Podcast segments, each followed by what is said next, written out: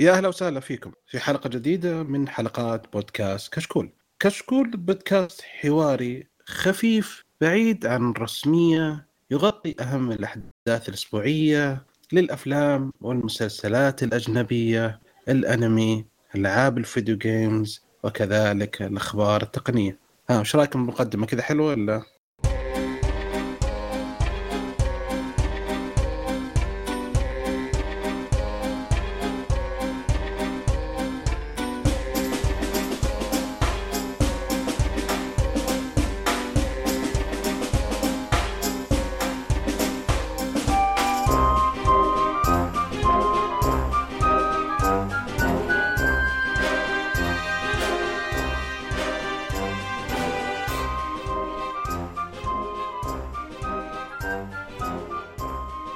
يا أهلا وسهلا فيكم في حلقة جديدة من حلقات بودكاست كشكول. كشكول بودكاست حواري خفيف بعيد عن الرسمية يغطي اهم الأحداث الأسبوعية للأفلام والمسلسلات الأجنبية، الأنمي، ألعاب الفيديو games وكذلك أخبار تقنية.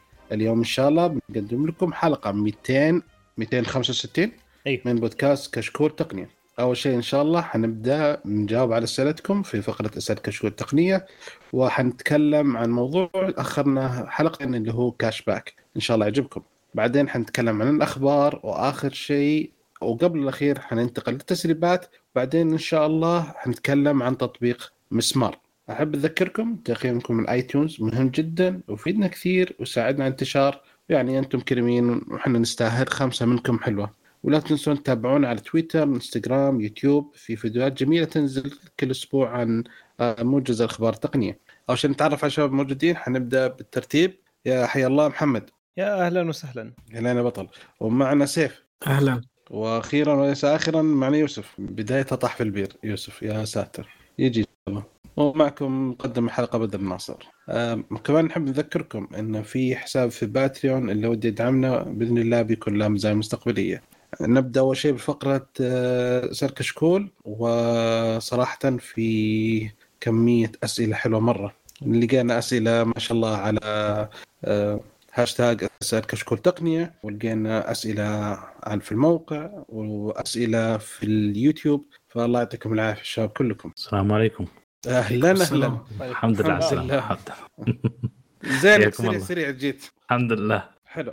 أول شيء زي ما قلنا نبغى نسأل نبغى نمر على الأسئلة. معاذ يقول السنة بنهايتها. وش البرامج اللي بديت تستخدمها كثير هذه السنة؟ هي كم سؤال فخلنا أول شيء ناخذ واحدة واحدة. البرامج اللي بديت تستخدمها كثير في هذه السنة. يلا. والله ممكن, ممكن. نبدأ؟ البرنامج اللي بديت مثلا أنا أستعمله السنة ذي يمكن صدق ما في ولا برنامج معين. أنا بستخدم أكثر شيء يمكن ال- غير المتصفحات طبعا. أستخدم برنامج فوبار 2000 لو بسمع أغاني ولا أي شيء. و في ال PC في برنامج ثاني اسمه 4K Video Downloader أي مقطع فيديو في يوتيوب أنزله عن طريقه لدرجة إني اشتريته حتى. هذا اللي عندي بالنسبة لي. طيب يوسف؟ بالنسبة لي سيف سيف تفضل. عادي. أنا بالنسبة لي برنامج واحد بس. كل البرامج موجودة معي من زمان وجالس أستخدمها بس السنة هذه البرنامج الوحيد اللي هو كان تيك توك. آه آه دقيقة برامج وقعت برامج وقعت في الفخ. وقعت في الفخ ده. هذا هو ادمان. جدا. الوقت يعدي سريع. عاد يقول لك آه، يبغون يسوون إعادة برمجة للوغاريتم عشان يخلون يخففون من ال- المقاطع المقترحة تكون مت- متنوعة ما تثبت على شيء معين عشان لا تفقد اهتمامك. الله يستر على كذا الوقت الزياده اللي حيضيع أكثر. يعني تنسدح قبل النوم كذا أخذ لي ربع ساعة تيك توك شوية لما اذن الفجر ها؟ الدوام. هذا الشغل معاهم زي كذا فعليا. مقطع ورا الثاني على طول. سريع سريع. okay ويوسف؟ آه ممكن برنامج واحد اللي السنة هذه استخدمته كثير اللي هو ال Notion آه برنامج ممكن آه نخصص له حلقة بعدين نتكلم عنه كثير. طبعا هو أكيد توكلنا. طبعا هذا شيء أساسي. آه أكيد. وباقي برامج هي نفس اللي استخدمها قبل Pocket Casts وزي برامج هذه يعني من قبل. بس الجديدة اللي السنة هذه استخدمتها ال Notion يمكن هو أكثر برنامج خلينا نقول جديد استخدمته السنة هذه. حلو. بالنسبة لي أكثر برنامج صراحة بديت أستخدمه هو برنامج اسمه Affinity Photo هذا كأنه فوتوشوب على الآيباد مرة مم. nice وقبل شهرين بديت أطقطق على أو خلال الشهر الماضي بديت أطقطق على DaVinci Resolve ما شاء الله. إيه عشان بعض الناس أعطاني الله يجزاه خير. يوسف قال لي خذ جرب. مع معا مالي دخل أنا. ما, ما أنت اللي أرسلت. أنت حملت طيب. مسؤوليتك صحيح. كاملة. okay السؤال اللي بعد يقول متصفح أساسي. محمد؟ Firefox بس مؤخرا بدأت شوية أستخدم Edge لكن بحاول أبعد عنه قد ما تبعد عن إيش؟ ال Firefox ولا ال Edge لا عن Edge. أنا Firefox للأبد. حلو. طيب آه، سيف؟ Edge. أوه. يوسف؟ روم كنت. وما زلت وراح أزال. يا سلام. حلو هذا هذا ميزة كشكول صراحة التنوع. أنا طال عمرك Safari guy all the way على سلام. الجوال على iPad على كله. أنا أنا حتى في. ال iPhone مركب كروم أنا حط كنت حاط كروم أنا منزل كروم على ال iPhone ومنزل كروم على Windows وعلى ال iPad وأستخدم آه، شو اسمه؟ السفاري ما أدري ليش نزلتهم.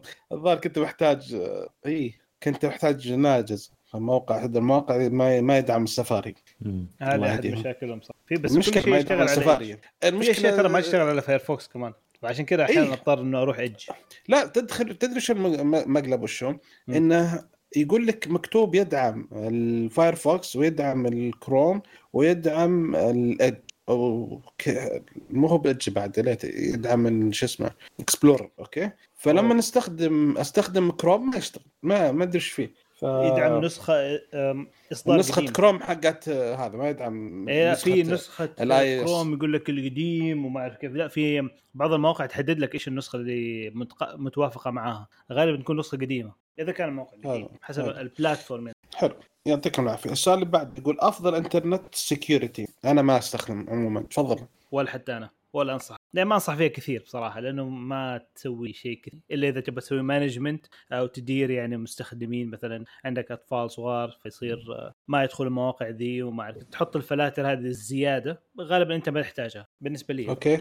سيف؟ آه برضه ما استخدم ولا حاجة وأنا نفس الشيء لازم ما استخدم لازم الواحد يعرف هو بالضبط من فين جالس يحمل أشياء ويحاول يبعد عن الأشياء اللي فيها شبهات كذا. ما شاء الله. ثقة معنا كذا الرجال يبغى ياخذ نصيحة منا وورطنا ما حد عندنا يستخدم شيء. طيب إيش أسوي معه؟ يعتمد حسب الاستخدام أنا. حسب إذا بس شغلة أمنية مثلا security بزيادة وكذا. مش مشكلة ال- ال- البرامج الحماية هذا internet security ولا اللي تسوي لك حلول كاملة هذه تثقل لك الجهاز كامل. لأنه حيقعد يفحص لك كل شوية إيش الملفات اللي عندك وإنت إيش بتسوي وإيش ما بتسوي. هذا حتقعد تستهلك بطارية تستهلك من أداء الجهاز نفسه إلا إذا إنت يعني بتبغى تفك أي شيء فتأخذ راحتك يعني بدون أي آه، تبغى برنامج يقعد يراقب أو يوق يقفل عليك الأشياء ذي. فخذ ممكن إيش؟ كاسبرسكي. كاسبرسكي يقول عنه شيء كويس. أسمع عنه شيء كويس. ما أعرف. ما قد جربت. أوكي. بالنسبة لل iMac في عدد من التطبيقات صراحة يمدحونها. يعني ما أدري أنا صراحة. واحد من الشباب ذاك المرة كان يكلمنا عن Intego يقول برنامج كويس. وفي MacKeeper هذا يعني كثير عليه دعايات مرة. ال MacKeeper فيمدحونه. وفي ذا Total AV هذا أعتقد مرة Total يعني شاو كان مرة طابين فيه. بلاش ولا بفلوس؟ ما في شيء. لا هذول كل آه، كلهم فيه نسخ ونسخ. يعتمد عليك وش تبي أنت. طبعا مره لا تأخذ اللي ببلاش. مو نصيحه أوكي. في بعد آخر آه، أو سؤال قبل الأخير يقول حولت ويندوز 11 ولا أداء لسه غير جيد؟ أنا لسه.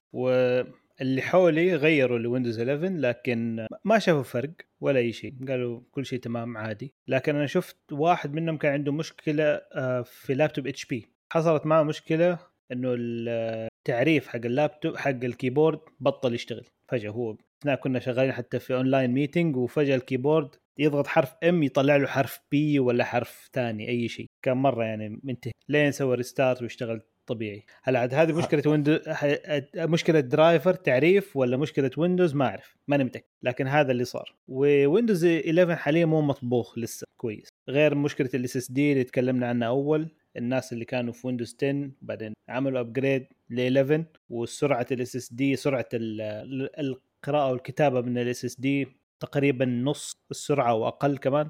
هذه ما تحمس. أوكي طيب آه، سؤال قبل الأخير ويقول أول نظام تشغيل است- استعملته؟ حاول أتذكر. يلا. محمد. DOS؟ أنا DOS. ال DOS سنة كم؟ إيه قاع 96 أتذكر.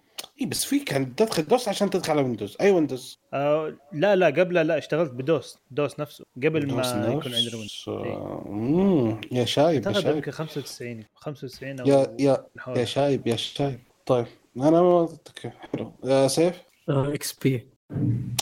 يا سلام يا سلام. الزميل الآن عندي في الدوام.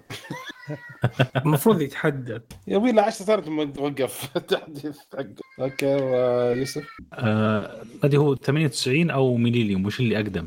في شيء اسمه 98. Millennium 98 98 أجل. أوكي. خلاص ننتقل الفترة اللي بعدها. خلاص مو- لازم نجاوب أنا يقول لا لا لا لا لا لا. معلش آه، نعيد السؤال مرة ثانية.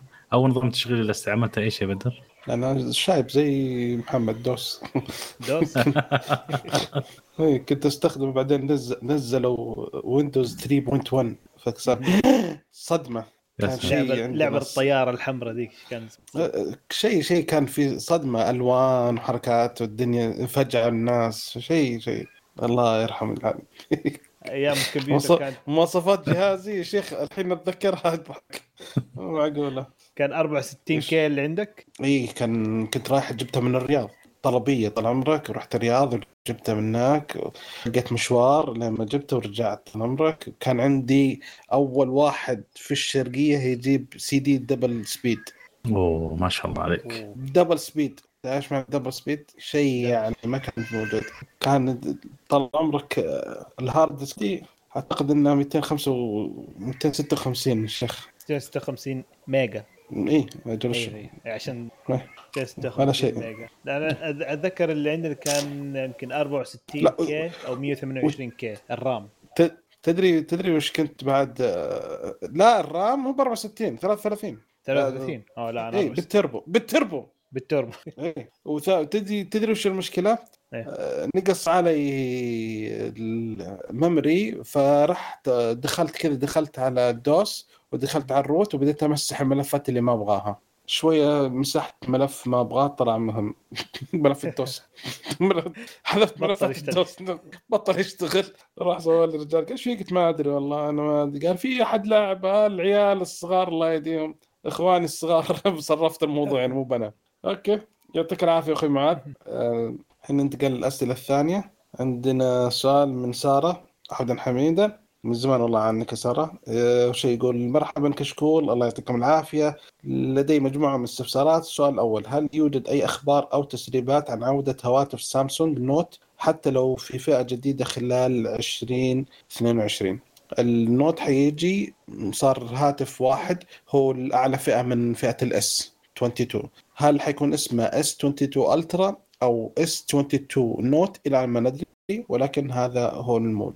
يعني حيرجع باسم جديد okay حتى الشاشة حقتها حتكون مربع أكثر كأنها زي ال Note. ما حيكون حواف يعني آه، قطر الدائرة قطر الحواف كبير مثل ال S العادي. right معلش جاوبت عنكم يا شباب. السؤال الثاني هل أوه السؤال الثاني في A و B C يلا هل توجد أي أخبار عن موعد صدور ساعة جوجل بالتعاون مع Fitbit؟ آه ما في أي شيء عن الوقت ولكن هو مو بالتعاون مع Fitbit، Fitbit جوجل اشترتها فحتدمج شوية من مواصفات Fitbit في الساعة، okay؟ ما هي الساعات اندرويد بحدود 100 دولار أو حتى فئات أعلى غير سامسونج مناسبه في قياس الحيوية وتغلق الإشعارات ومتوافقة مع أجهزة سامسونج. شاومي أتوقع عندهم حاجات كويسة. بس ناسي بالضبط كم اسعار ماشي. أصلا أرخص شيء كانت الظاهر 100 ريال. يعني 25 دولار يمكن. في أشياء عندهم إلى إلى 100 الظاهر. هل تنصحون بساعات هواوي حتى لو قديمة؟ لا لا. سعرها حلو مواصفاتها حلوة بطارية الدوم يظل أفضل من اي واتش ساعة هواوي صح؟ ساعه هواوي. أي. إي أنا عندي آه، GT 2 اللي صار اللي هو قبل آه، الجيل قبل الحالي الأخير. إي قبل الأخير. الساعة ما شاء الله بطارية تجلس يعني 13 14 يوم نشغل فيه كل المميزات آه، كل شيء فيها ممتاز. طبعا عادة إنك أنت ترد على الرسائل أو شيء لا بس تستعرض الرسائل والاشعارات المكالمات يمديك ترد وكل شيء بس الساعة جميلة وممتازة. بس يعني نسائية لا أحس إنها شوي خشنة أو ممكن تكون جدية أكثر. نسائية ما أحس إنها مناسبة لأنها شوي تحس إنها شوي خشنة أو حادة تقريبا كشكل. بس بشكل عام ساعة مناسبة وانصح فيها بس كيف المعلومات الح... إذا انت تهمك المعلومات الحيوية أعتقد ابل هذه ال top إي لا ابل هي إي إي. طبعا طبعا. بس هي طبعا أنا ما أقول إنها سيئة لا ممتازة. بس كويسه إي لا هي حتكون هي كويسة. كويس. بس إذا تبى الدقه والأشياء دي ما هي عندنا طبعا صحيح. okay السؤال الثاني يقول هل فرق كبير بين هواتف ال Note 10 Plus وال Note 10 وهل يدعم اتصال انترنت 5G الفرق تجاوبون شباب خلينا ندور يدعم ال 5G ولا لا. ما أتوقع إنه يدعم بس بتاكد آه، جاوبوا ممكن آه، من أهم ميزة اللي هو الكاميرا أقلها. أقل أقل شيء. هذا كاقل يعني في فرق بين ال Plus وهذا. والشاشة في فرق بعد. خبر إن الشاشة فيها فرق و والمعالج الكاميرات. الظاهر ال RAM ال RAM. لا كاميرات واحدة بس الجودة حقتها مختلفة. okay الاختلاف ما بينهم أول شيء في الحجم ما في اختلاف. آه وهذا أكيد بالشاشة بعد حتى بالشاشة اختلاف هذا 6.8 وهذا 6.3 المعالج كيف؟ ال Pro نفس المعالج. ال Pro فيه شريحة فيها يسمونه ذا ربي؟ في ذاكرة خ... في سلاي شو اسمه ذاكرة خارجية تقدر أما العادي ما فيها. مواصفات الكاميرا أقل قدرة التصوير أقل بعد أساسا. فيها فيها headphone؟ أدور ما لقيت صراحة. البطارية أصغر. يعني صراحة أعتقد الوضوح الكام... الشاشة نفسها بعد آه، أي اختلاف الجودة ال resolution بعد أقل عدد البكسلات أقل. يعني صراحة فرق كبير ما بينهم. أنا حتى أتوقع أن نزلوا ما زلت أقول في سامسونج Galaxy Note 10 نزلوه عشان الشركات الأمريكية بس. عشان يحطون شيء بسعر 1000 دولار في ذاك الوقت. لكن ما يدعمون ال 5G أوه ولا واحد فيهم. أي صح أيام. كلهم ما في سماعة. كل ما فيها سماعة ولا واحد فيهم يدعم 5G والرامات آه، ال RAM أكبر في ال 10 Plus نعم صدق. إيه. يعني في اختلاف صراحة. إذا يهمك ال 5G يعني يبغاك تاخذ اللي بعده. بس 10 Plus دحين أعتقد أسعاره كويسة إذا لقيت. بالضبط تدري okay آه، السؤال اللي بعده. هل تجدون أدوات صغيرة تتبع الأغراض مثل AirTag هل توجد أدوات صغيرة تتبع مثل AirTag يمكن استعمالها على المفاتيح أو النظارات متوافقه مع جهاز سامسونج. في حق سامسونج نفسه؟ بالضبط. صح؟ yep. وفيه Tile. Tile بالضبط. سمعت عنه أشياء مرة ممتازه لأن في احجام أشكال. في. عندهم كرت في عندهم باك صغيره كذا مربع صغير. تقدر صعب على تركبين على النظارة. آه. مثلا علبة النظارة ممكن. إيه. أما تحط على النظارة شكلها كانها سرقتها من محل بالضبط. حرامي على طول. alright السؤال آه، سؤال. بدر لي أنا. ما حد يجاوب لو سمحت. لا يقول هل وجدت أي ساعة أو سوار رياضي يمكن قياس السكر دون الحاجة للوخز عبر ساعة الأبل؟ وتحية للوالدة نتمنى لها بدوام الصحة. الله يجزاك خير الله يشفي الوالدة ويشفي جميع مرضى المسلمين. ما في الآن بس آه، جالسين ننتظر. ما في أي شيء لازم. حاليا ما في إلا الا بر سمعت عن شيء قياس السكر شباب؟ أعتقد في دراسة دحين بيبحثوا كيف ممكن يقيسوا السكر. بداية ما السنة كان في إيه، بداية السنة كان في أخبار إن أبل شغال عليه عشان كذا. أيوه. طيب إحنا سمعنا أخبار صح؟ بس okay. كلها على الدراسات. ما في شيء حقيقي ما في حي... ما في شيء حقيقي يعني موجود أو منتج. أو تجربة. أوكي. السؤال الأخير يقول تقول متى سيتم عمل حلقة كشكول تقنية مراجعة للسيارات الذكية والكهربائية وحتى ذاتية القيادة؟ لما نسوي كشكول سيارات يبغى وطبعا راح يمسكها معا. وأنا كمان. كفو. بس ما. راح راح تزعلون أنتم لأن كل شيء راح يكون تاتش ما في إزرار. وعشان كذا حنقعد حنستلمها استلام. حلو. okay. آه السؤال اللي بعده من سيل لول يقول ليش ما في شركات هواتف كثيرة في اليابان؟ ليش الشركات في اليابان ما عندها اهتمام بسوق الهواتف؟ لو في شركة فنلندية تبيع تبي تدخل سوق الهواتف هل تحقق نفس نجاح نوكيا؟ هذا السؤال الثاني. السؤال الأولاني في شركات بالهبل في اليابان صح؟ بس ما تنتج برا كلها للسوق الياباني أو معنى صح شركات جوالات هي شركات اتصالات هي. وفي خدمات كمان عندهم أصلا برضو ما هي أم، خدمات عندهم عن طريق الجوالات وهذه يعني مثلا زي إن إف سي كانت من زمان موجودة عندهم بس ما طلع للعالم إلا مؤخرا زي كذا. السؤال الثاني يقول لو في شركة فنلندية تبغى تدخل سوق الهواتف هل تحقق نفس نجاح نوكيا؟ ما لها علاقة بفنلندية ولا لا. إذا الشركة كويسة وعندها منتج كويس هتطلع. وسعر. والسعر بالضبط. مم. دحين أغلبية الشركات تقريبا يعني تقريبا يعني شغل تجميع يجيب المعالج من شركة ويجيب الرامات من شركة وبعدين يظبطها كلها في board واحد كذا. بعدين بس ظبط شو اسمه ال user interface أو الواجهة اللي عندك. خليها سهلة خليها بسيطة خفيفة سريعة مع كاميرات حلوة. على الأقل تبدأ بشوية بشوية زي كذا. طيب سؤال الحين هو بعد يسأل يقول آه، ليه ما في شركات هواتف ألمانية مع أنه ألمانيا مشهورة في التقنية بشكل خاص؟ هل في محاولات دخول السوق هواتف من شركات في ألمانيا؟ كان في فيليبس وسيمنز و... صح؟ كل هذا كان فيه أول. سيمنز إريكسون إريكسون كانت ألمان. لا لا آه، إريكسون شو اسمه؟ فنلندية. سويدية. سويدية. إيه، لم أخذ المخطئ. صح سويدية صح. صح. طيب ليش الشركات الألمانية وقفت؟ ما في مبيعات كثير ومنف... آه، تكلفة التصنيع في ألمانيا بالذات الأجهزة هذه بتكون مكلفة جدا. هم بدأوها ترى على فكرة. مين؟ لا فيليبس. لا لا ما بدأ. أرجع. إذا قلنا مين بس آه، فيليبس كان عندها جوالات. إيه. ليش ما في شركات تدخل السوق يا شباب؟ والله الصين ماكله الجو في كل شوي طالع شركة جديدة تقدم منتجات بأسعار يعني منافسة. ما يعني تدخل في منافسة شيء مو سهل. يعني تبي تنافس تنافس الصينيين يعني الله يقويك. السوق ما يبقى صح. بالذات الفترة نعم. الأخيرة صح؟ بد- يعني لو في شركة الحين ألمانية تبي تبدأ مرة صعب. صعب صعب. طيب السؤال الأخير هنا هذا سؤال مرة عجبني يقول أبي أعرف إيش أفضل لابتوب يشغل ألعاب الرعب بشكل كويس؟ يعني ويكون سعره 500 إلى 800 ريال. أوكي. وفي تكمل السؤال يقول هل الجو... ال laptopات اللي بسعر 500 ريال تستحق إن الشخص اللي ما يعرف كثير عن اللابتوب ياخذه ويجربه؟ والله هو اللابتوب آه، اللي العاب الرعب هو إنك تنزل لك لعبة ثقيلة شوي وراح ينفجر ال RAM وبعد كذا يصير فيه فيلم رعب. بس. أعتقد ناسي صفر ولا كيف؟ ممكن بس 500 ما أعتقد يعني ما أدري. لا يبغى 500 بس واحد ما يعرف في طقطق يجيب لابتوب. هذا قصده. أتوقع أفضل حل يعني بس بلاي لا- ستيشن خلاص ما ما له إلا كذا لأنه في في ال range هذا المفروض بلاي ستيشن 4 ممكن يلاقيه بسعر كويس مستعمل. أو ال laptopات مستعملة برضو. في laptopات مستعملة عمرها مثلا سنين أو سنين ترى كويسة. بس يظبطها يشيل ال hard disk القديم حقها مثلا ينظف المروحة. أشياء بسيطة كذا يغيرها مثلا SSD حيكون سريع وحيشتغل معك كويس ويشغل عليها اي يعني ألعاب متوسط يعني هذه كحل. أنا أخوي جرب اشترى جو لابتوب الظاهر ب 400 ريال كم؟ إيش المواصفات؟ دقيقة اعطوني تعطوني دقيقة ادور أجيب لكم اياه أوكي. أقول خلينا نكمل لين نشوف.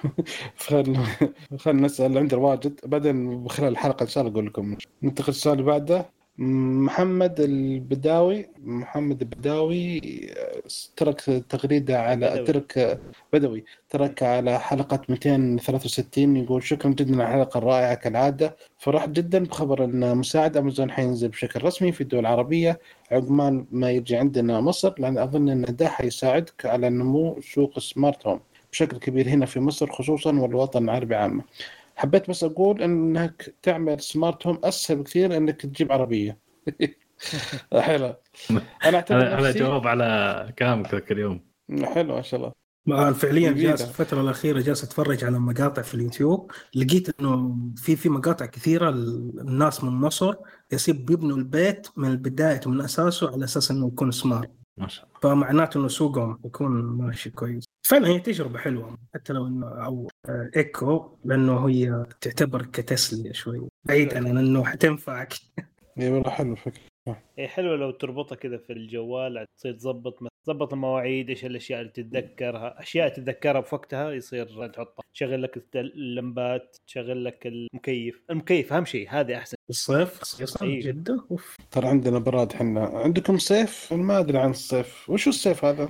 والله أنا عن نفسي ما أعرف وش الصيف أنا جمده عندنا الرياض عندها. أجواء برد. حلوة كي تعتبر باردة بالنسبة للصباح كم إيه. 20 21 وصلت برد. 24 أنت ما خلاص برد يعتبر إحنا- برد فعليا يعني إيه. أنا في الرياض واصلة تسعة مدري ثمانية أنا اليوم الصباح اليوم الصباح ولا أمس؟ أمس امس آه، درجة حرارة قمت الساعة 6 ورايح درجة حرارة كانت 20 حلو الساعة 9 نزلت إلى 15 رايت الساعة 11 نزلت إلى 13 ومطر برد شيء رائع صراحة في الرياض طيب، ولا في- الشرقية؟ الشرقية حبيبي الشرقية الشرقية إيه. إحنا 24 الصباح على 30 في الظهر 30 يا ساتر هذا. تمام ها؟ هذا يعني جداً. كويس حلو خفيف ما موت يا إحنا عندنا يا مرة حر يا خفيف لطيف. لا زين لطيف عندك. يقول آخر شيء يقول أنا أعتبر نفسي خبير فان كبير في موضوع سمارت هوم أي استفسار عندي ما تقلقوا ما تقلقوش. ما, لاعبين ما, ما خلاص. تقلقوش. لازم تقولها صح. ما تقلقوش ما تقلقوش. ما تقلقوا آه، ما, ما. تقلقوش. يا أبوي خلاص ت- ما ما أعرفش. عشان ما يزعل محمد.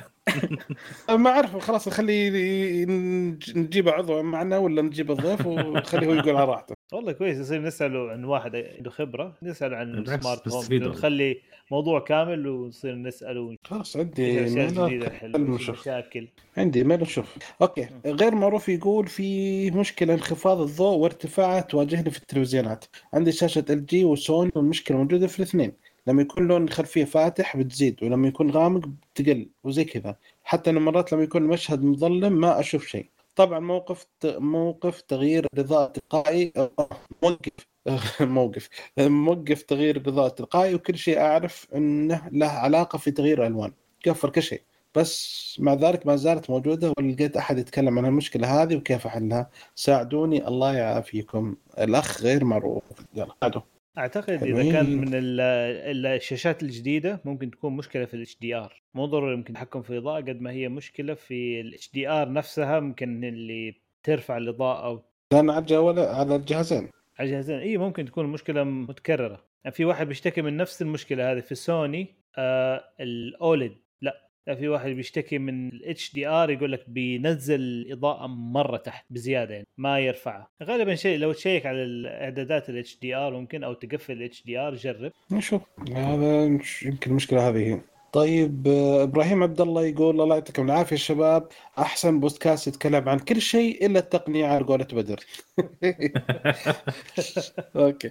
نقول المهم عندي سؤال. ليش ما في جوال ياتي مواصفات صوتية رائدة سماعات ستيريو بقوة واط عالي وصفاوة وجودة عالية مع سماعات رأس احترافية؟ الله يرحم أيام سوني إريكسون. إي والله الله يرحم ايامها كان عندهم أجهزة Walkman كانت مميزة في الصوتيات في وقتها طبعا مليان الجوالات اللي كل كل الكلام فيها عن كاميرا كاميرا كاميرا. يقول طبعا ملينا من جوالات اللي كل الكلام فيها عن كاميرا كاميرا كاميرا. آه، في ترند أصلا الحين بدأت إن عودة السماعات السلكية. صدقون ولا لا؟ الحين بنرجع لل vinyl سماعات.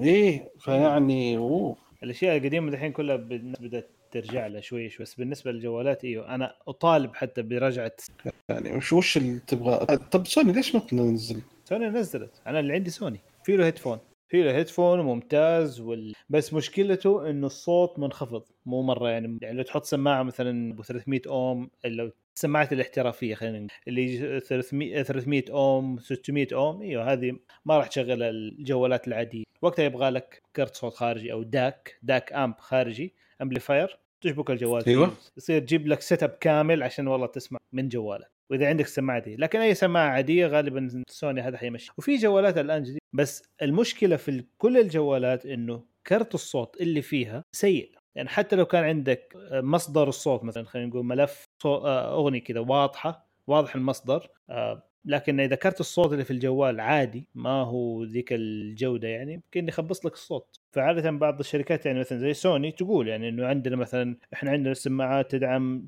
تدعم عندنا كرت الصوت من نوعية كذا مواصفاته كذا فيه له مثلا اسمه Hi-Res Audio يدعم Dolby Atmos آه، يدعم مثلا سماعات لغاية زي كذا اوم يعطوا شوية أرقام على الأقل.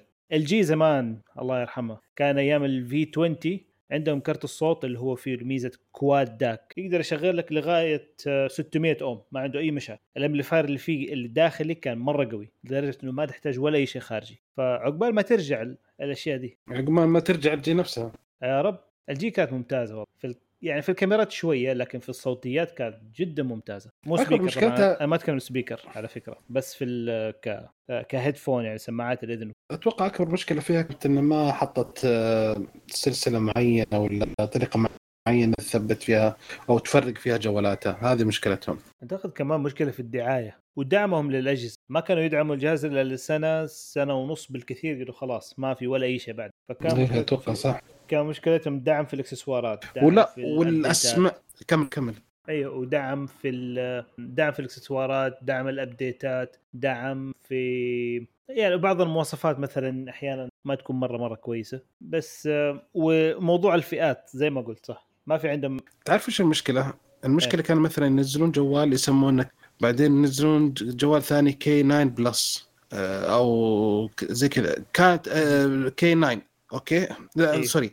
ينزلون جوال مثلا K 7 بعدين ينزل جوال ثاني K 9 حلو؟ K 9 أقل من K 7 كمواصفات وكفئة فهمت؟ فهذه اللي كان اللخبطه فما كنت تعرف أصلا الهيكل حقهم بالضبط وين كان رايح. هذه أكبر. مشكلة عندهم. وال plus هل هو plus أحسن ولا اسوء؟ في صح في واحدة من الأشياء كان في في مثلا واحدة من الجوالات كان V 60 إذا ما خاب ظني. كان في منه فئتين. إيش الفرق أيوه. بينهم؟ واحد نفسه V 60 عادي وفي واحد V 6 بحرف زيادة مدري أو حرفين زيادة. WH أو شيء. إيش الفرق بينهم؟ ماني عارف. أقول WH يمكن white يعني أبيض. بس طلع لا مو عشان فرق اللون. فرق ماني عارف شو.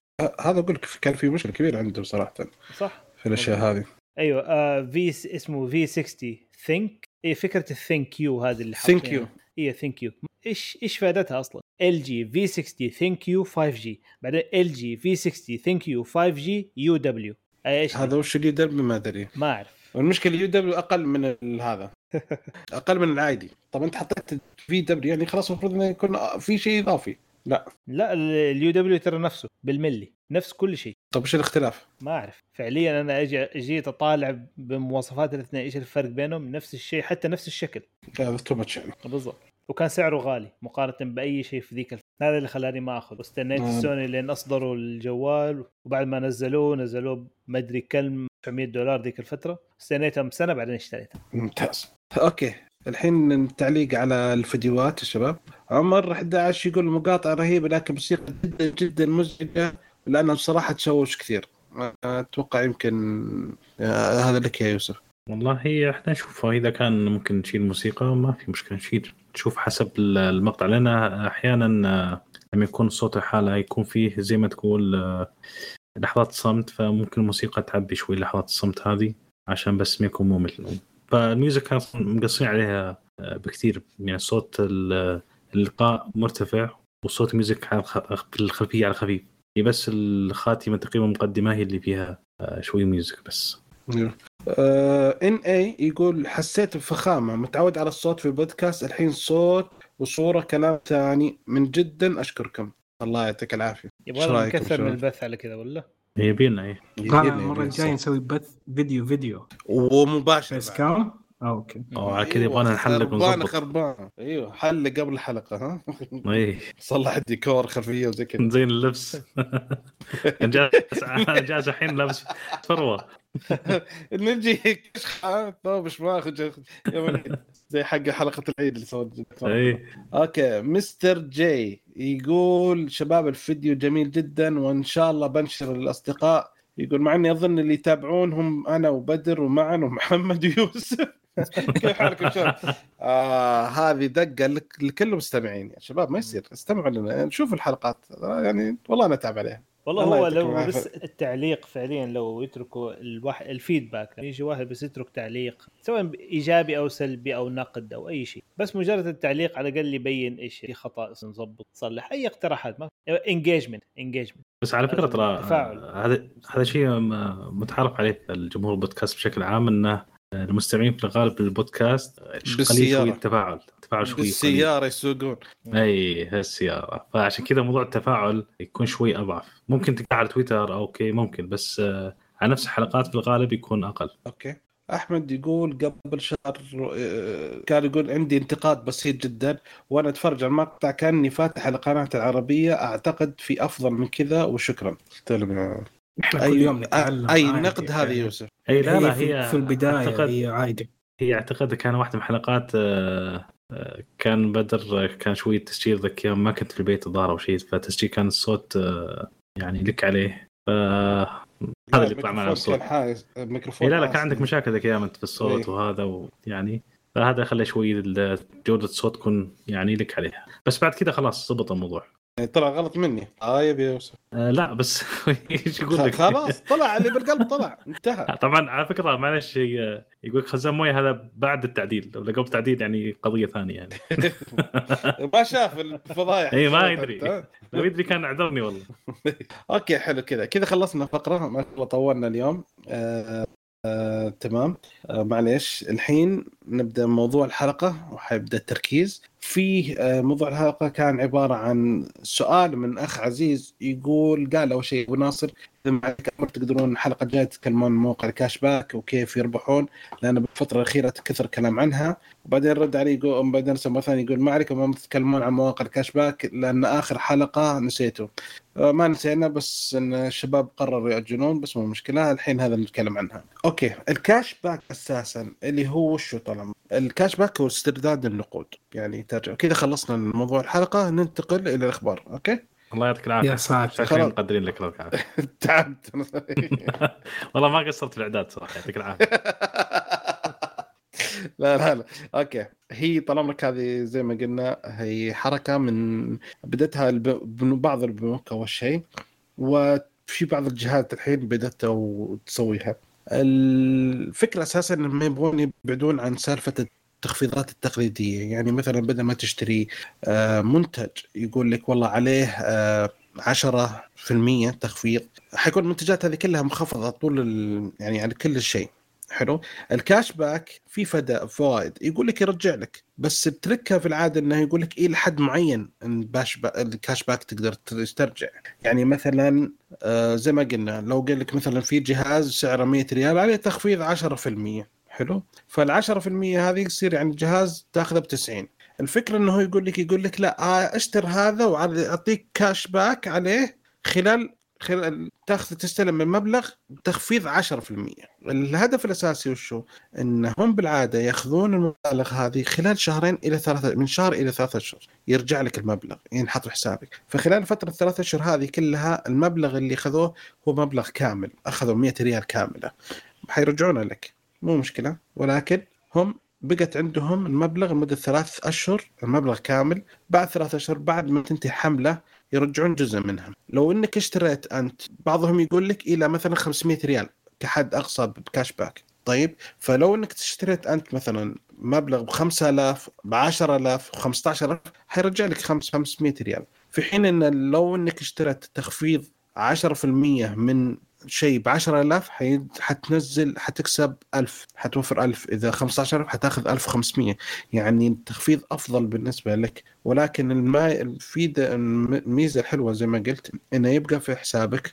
هم مستفيدين أكثر أوكي؟ ثاني شيء في دراسة تقول إن 10% من المبالغ اللي تسترجع يسترجعها العميل يستخدمها في شراء مرة ثانية في نفس المواقع okay؟ واضحة الفكرة ولا تبي أوضح كذا زي كذا؟ لا لا واضح واضح لا صح تمام. اي Okay. الفكرة الأساسية هي كانت بداية زي ما قلنا كانت اللي يستخدمها أكثر شيء آه، شركات البطاقات الائتمانية. الفكرة وشو؟ إن يحافظون إن يخلونك قدر الإمكان إنك تقعد معاهم إن يزيدون أو يشجعون الولاء لل يشجعون الولاء لك منك أنت لهم. okay يحافظون على الولاء يحافظون إنك أنت تستخدم لما يكون عندك بطاقة مثلا يقول لك والله بنك آه، بدر الناصر يعطيك cash back وبنك آه، محمد الغامدي ما يعطي. فتقول آه، أستخدم البطاقة حقت بدر أستفيد منها على الأقل يعني يرجع لي شوية. فضمنوا إن على الأقل صار فيه أفضلية شوية على بنك محمد مع إن بنك محمد الغامدي أفضل من بنك بدر بمراحل مثلا. بس يمكن الطريقة هذه تفيد. فهذا هو. الحين الشيء الثاني صارت الحين الشركات الثانية تستخدم. مو هو بس البنوك صار شركات مثل امازون آه، فترة امازون نزلوا ال- قبل تقريبا أربع سنوات نزلوا عرض cash back 5% على كل المنتجات بالشرط إنك تستخدم التطبيق. اللي على الجوال ما تستخدم موقع إلكتروني right هذا كان يحاولون إنه يخلون إيش؟ تشجيع الناس يستخدم هدفهم يعني كان تشجيع الناس لاستخدام التطبيق الجوال لانهم عارفين إن الناس الجوال بيد الواحد 24 ساعة. فبدل ما تروح تطلب تقول آه بروح أرجع البيت أشغل كمبيوتر أدخل على الموقع وأبدأ أطلب. لا يبغون يدربون يعني يبغون يخلون الواحد أسهل انه يستخدم التطبيق. وهذا يعني نجحوا فيه نجاح كبير جدا. Alright تمام.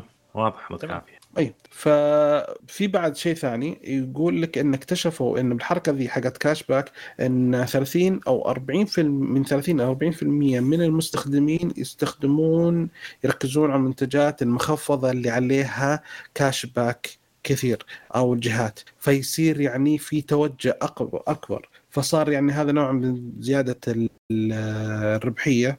Alright?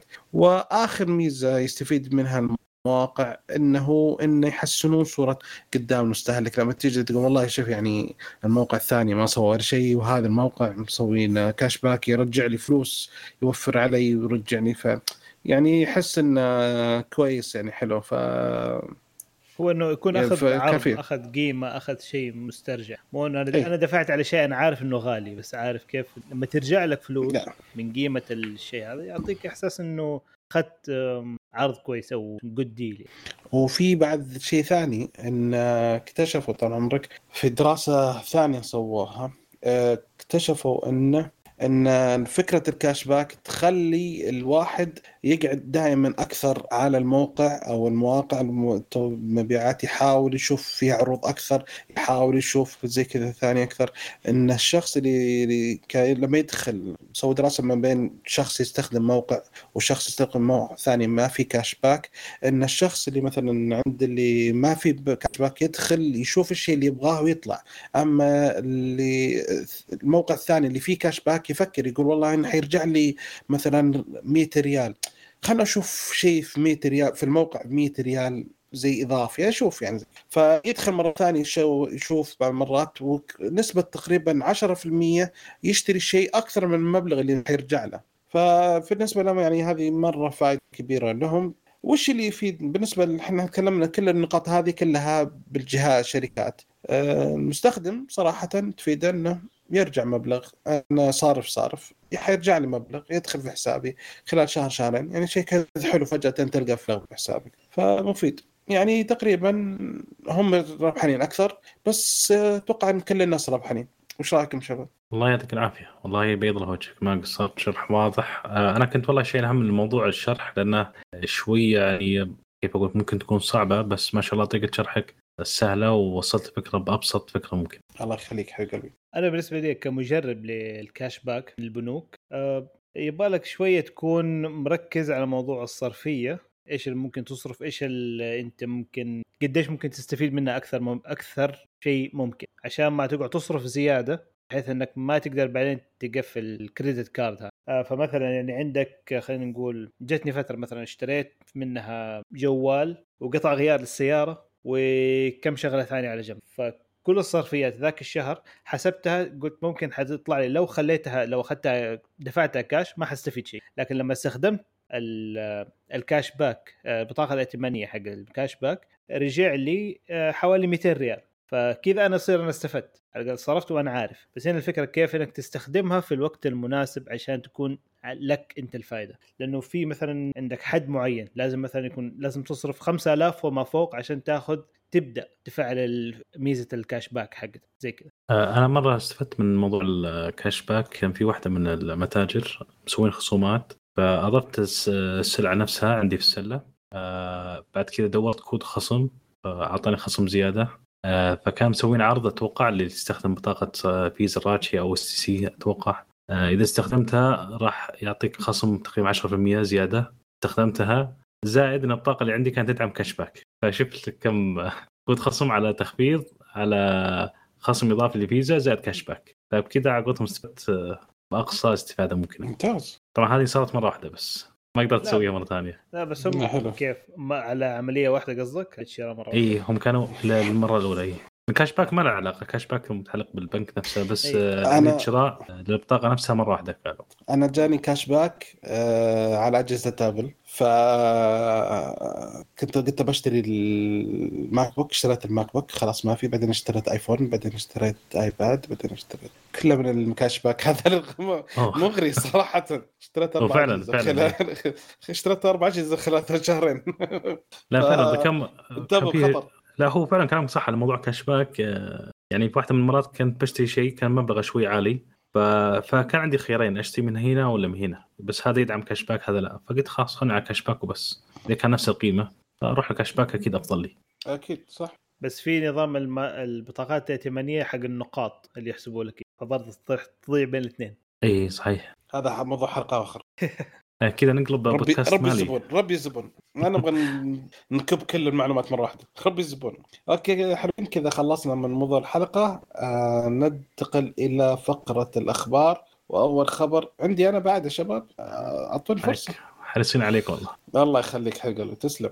okay الخبر الأولاني إن آه، اثيريوم اللي هو قبل فترة تكلمنا عنه هو سالفه البيتكوين ال NFT وزي كذا كنا نتكلم عن الاثيريوم اللي هو.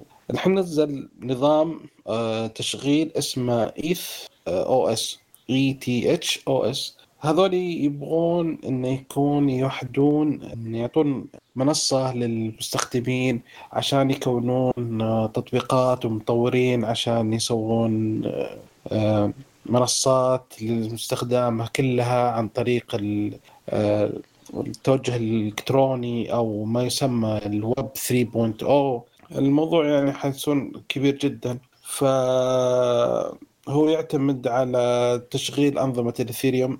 والانظمه اللي كل فيها ويساعد إنك تسوي تقريبا آه، على قول شو اسمه آه، مؤسسات اون تشين وتطويرها كلها. ف يعني توجه قوي جدا للموضوع هذا. فخلي معا لا جاح يتكلم عن الموضوع هذا أو ارطو لا جاء ف إيش رايكم في موضوع الاوبريتنج سيستم خاص هذا اللي نزله للإثيريوم؟ أحس حيساعد التعدين اللي يقعدوا يس- يسووا mining في بيوتهم كروت الشاشة وأجهزة التعدين الخاصة تخيل نظام نظام تشغيل زي كذا ممكن يساعد لأن ايثيريوم هي في النهاية عملة هي نفس العملة الرقمية صح؟ ايثيريوم إي هي المنصه اللي. تقدر تطلع العملات ممكن تساعدك فيها أعتقد هذه بداية لهم يصير كل ممكن العملات الرقمية تطلع بعدين تيجي عندهم يصير تبني آه، تطبيقاتها وبرامجها على أساس تسوي تعدين للعملات الثانية عن طريق ethOS. إذا كان فعليا secure وآمن و efficient في ال- في التعدين ممكن يصير آه، منصة كل الناس حتتوجه لها صدقت صح؟ يسهلوا على الناس أحسن شيء. هو بيسهلوا على اللي بيسوي تعدين أكثر اللي كروت هذه- الشاشة ويخلوه عندهم. مع أنا شفت أشياء مجنونة شوية. أيوه. يعني كلها out of stock والسبب اللي بيسوون mining ليش؟ شيء يزعل حتى في الوضع الحالي إنه ما في وضع ال- ال chip shortage هذه أشباه المشكلة أشباه تصنيع أشباه الموصلات. هذه آه، ما ما هي فارقه معهم. بيشتروا اشتروا كل كروت الشاشه وشغالين بس mining عليها وما ما, ما منها فايدة. غير إنه ترجع لي لهم هم. صار في وصار في يد كهرباء كثير okay. يا يوسف عطنا خبرك يا حبيبنا عن LG عندنا LG أطلقوا شاشة آه، كمبيوتر جديدة. بس الشاشة هذه آه، مختلفة أبعادها طولية آه، بأبعاد اللي هو 18 16 آه، الشاشة بصراحة هي جميلة آه، جاية بشكل stand آه، بس أحاول أشرحها بس للمستمعين. هي stand آه، شاشة طبعا طولية يمديك تتحكم ترفعها فوق وتنزلها بس هي تجي بشكل طولي. آه، طبعا هي تجي بقطر آه، 27.6 إنش آه، بدقة 2880 في 2560 آه، الشاشة هذه آه، اس- اسمها دول أب. آه، شاشة بصراحة ممتازة ويمكن هي تستهدف أكثر آه، للي مهتمين أو مختصين في مجال المونتاج بحيث إنك أنت مثلا تقسم الشاشة فوق تخليها العرض فيديو وتحت يكون في شغلك. رائعة آه، جميلة. أنا بصراحة أعجبتني الشاشة ذي آه، خصوصا الساد حقها مرتب. ما يجي ياخذ مكان كبير آه، طولها بأبعاد جديدة أن ما تعودنا عليها آه، بس أحس إنها مناسبة جدا جدا للعمل بحيث إنك تقسم الشاشه مثلا نصين فوق تشتغل وتحت مثلا تعدل أو تحرر صور مثلا آه، أو الفيديو فننطر الشاشة هذه ونشوف ما أدري أنت شفت صور لها أو شيء أنا الحين شايف صورتها كأنها تعطي كأنها كأنها. شاشتين فوق إيه لا أيوة. أيوة. كأنها شاشتين فوق بعض صح؟ تقريبا تقريبا أيوة. جميلة جوال ما لا تقول شاشتين جوال إذا آه، تبي جوال iPad كبير. لا Fold يشبه ال Fold صحيح Fold. كبير كذا. صراحة حلوة الشاشه يعني تخيل كذا فوق في النص اللي فوق تشتغل على الفيديو وتحت تعدل عليه. كذا تريح راسك. شاشة كبيرة تاخذ راحتك. ولو نزلوا منها 4K كمان هو أوه. هو اللي صدق لا لو. تكبر كمان شوية أنا أحس يعني كم هم حط 28 إنش. القطر 27 فاصل يعني تقريبا 27.6 لو كان اكبر بشوية أحس ممكن يكون أفضل. لأن هذه الحين تعطي زي كأنها شاشتين 21 إنش. تقريبا صحيح أيوه. صحيح. فلو كمان شوي أكبر لو كان عطى مثلا 2 24 إنش هي حتكون كبيرة لكن حتكون أكبر أحلى كويس. وتعرف شو ميزة الأبعاد هذه بالضبط؟ إن أنت لما تشتغل بتريح راسك آه، لما تكون شاشة كبيرة عريضة مثلا تقدر تلتفت يمين يسار عشان تخلص شغل المونتاج حقك أو الشغل التصميم حقك. فهي لما تكون طولية خلاص تصير أنت مثلا شغلك تحت تركز عليه تحت. تمام؟ ما يحتاج تلتفت يمين يسار وين راح المونتاج وين راح آه، فكذا بتكون مريح لك حتى من ناحية الرقبة آه، أريح. صح. يعني اللي جربوا شاشة كبيرة يمكن شوية يعرفون هالشيء كنت تروح رقبتك يمين يسار عشان تكمل شغلك. لو جبت ال- اللي هو ال ultra wide هذاك العريض. إي صحيح. okay آه، أشطح فيكم شطحة شوية. تفضل. زين أعلنوا عن منتج. زين السعودية. أيوه. أيوه. اعلن عن منتج جديد. وش ذا المنتج؟ إيش؟ المنتج إيه. إيش أدري. مساعد صوتي مثلا؟ آه، يلا كل واحد عن له محاولة. مساعد يلا. صوتي يلا. لا يلا يا محمد لا تناظر. اترك جوالك يا محمد. لا لا لا ماني بجوالي أنا شايفك. آه، ممكن ساعة ذكية؟ لا سيف. شيء غريب. شوف زين السعودية ولما تيجي تتكلم عن زين نعم. مشكلة ما, ما أفتكر إنه هم عندهم خدمات سحابية لكن أيوه. لا أوكي.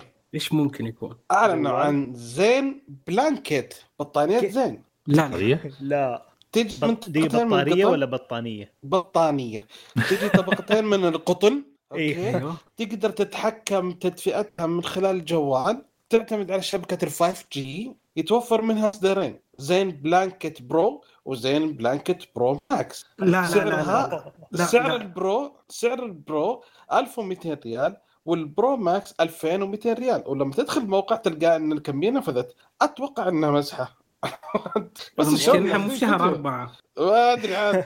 لا و... لا و... حتى مسمين نغطيك زين حاطين هاشتاج. والموقع زين dash آه يعني مو مو, test. يعني موضوع جد مو test. كيف ما؟ أدري أنا اول ما تدخل يقول لك أنت منتجاتنا نفدت كميه نفدت كميه معلومات الاسعار شاملة ضريبة القيمة المضافة 15% كمان جايز ما أدري أنا تحس إنه في مقلب. ما معقول؟ والله أنا أقول إنه هذه market حتى لو باعوا ال marketing باعوا صراحة. هي marketing هي marketing أنا خلاص أنا. سوينا أنا محن الدعايه هذا والله شطحة. أبشركم. لقينا صورة الحلقة خلاص. بالضبط خلاص. محتاج. بلا cashback ولا شيء لقينا صورة الحلقة. okay. شكلك okay، أنت. تعبان تدور صورة مناسبة حقت ال cashback آه يا شيخ طلعت لي زين خلصنا ريحتني. okay الحين أترك أقدر أترك أقفل كل شيء. الحين أركز معكم. alright نيجي آه، حبيبنا سيف الخبر اللي بعده. طيب الخبر اللي الخبر. بعده طبعا فيسبوك فازت آه سمحت آه. إيه. ميتا معلش. أيوه شكرا عشان معلش. ال rebrand اللي مسوينه معلش معلش أنا أنا بحس تفضل. شوف عشان ما معلش بس ما أبغى أنا تروح اسم فيسبوك من متى برضه أحس أبغى لازم بعد متى فيسبوك سابقا. متى فيسبوك سابقا. لازم يكون فيسبوك برضه مربوط فيه. هم يبغوا يشيلوه أنا بخليه مربوط. حلو. أقول عناد ها؟ عشان لا ننسى. بالضبط. أيوه. okay سيف طيب. إيش عندك؟ آه كان في survey سوته فوكس على موقع استبيان؟ آه أيوه استبيان سوته فوكس على موقع اللي هو س- آه سيرفي مونكي. فال survey كان عن أسوأ موقع أو أسوأ منصة آه تواصل اجتماعي فازت فيها ميتا أو فيسبوك بجدارة. ال- المدة كانت هي من 4 ديسمبر إلى 5 ديسمبر اللي شاركوا في ال- ال- الاستفتاء هذا كان 1541 شخص. يعني هي فازت بجدارة. ما كفو يستاهلون والله الصراحه والله مرة يستاهلون بس أنا بالنسبة لي فيسبوك ما عندي مشكلة معهم أنا عندي مشكلة مع التيك توك. توك تمدحهم الحين لأنه يضيع الوقت. يعني زي ما قلت أنت فجأة ربع ساعة فجأة الأذان الفجر.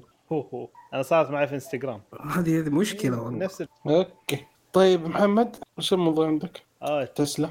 آه، تسلا آه، هي قصة اللي حاجة حصلت. تسلا آه، في في اثنين متزوجين كانوا ماشيين في الطريق آه، مرته خلاص كان بتولد. فاللي صار إنه حط السيارة autopilot وولدت في السيارة جالسة. السيارة تسوق نفسها حوالي تقريبا ثلث ساعة لين وصلوا المستشفى أوف الفكرة إنه يوم وصلوا كانوا مقررين إنه كانوا على وشك يسموها تسلا بعدين قالوا لا لا لا لا سموها ليلي. عقل.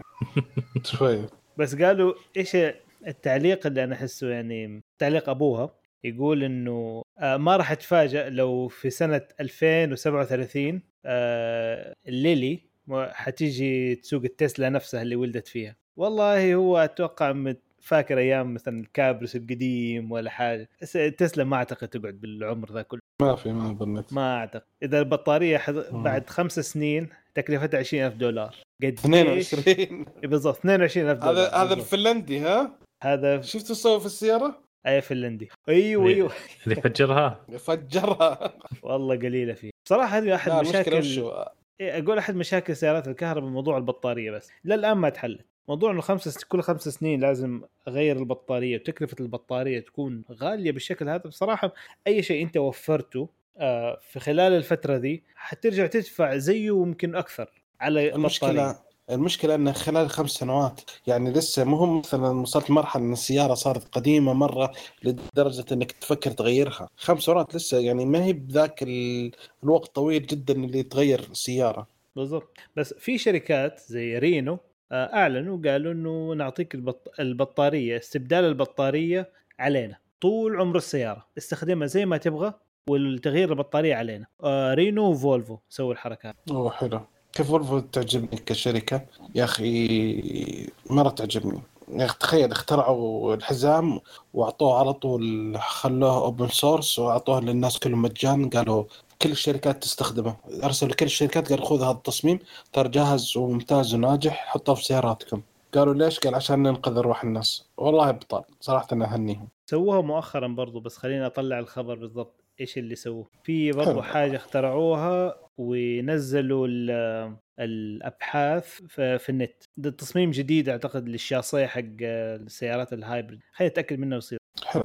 okay. آه في الحين سبوتيفاي عندهم محتوى كبير من الأخبار الكوميدية أو عروض الكوميديان مثل كيفن هارت مثل آه آه تيفاني هيدشن هاديش وجون مولايني فهذول كانوا الحين قالوا تعالوا يا سبوتيفاي حنا ناخذ مبلغ بسيط جدا نبغى بعد حقوقنا على النكت نفسها. يعني مثلا زي زي الأغاني الأغاني المغني له حقوق وكاتب الأغنية له حقوق. فهم يقولون حنا نكتب النكت حقتنا المفروض لنا حقوق. آه، آه، سبوتيفاي قالت لا وقالوا إلا لنا حق قالوا لا ما لكم حق لأن يكرر. مثلا الكاتب الأغنية ح- لما المغني الأساسي يغني الأغنية حياخذ له حقوق منها. لما مغني ثاني يغني الأغنية مرة ثانية حياخذ حقوقه مرة ثانية. فالكوميدي لا مرة واحدة حيقولها ما حدا فما في فرصة إلا هالعرض واحد. فطلبوا إنه يكون عندهم لهم حقوق كالكتابة. صارت هوشة بينهم فسبوتيفاي سوت وقفت كل ال- المقاطع الصوتية اللي موجودة عندها للكوميديين كلهم وقفتهم لين ما يحلوا المشكلة هذه.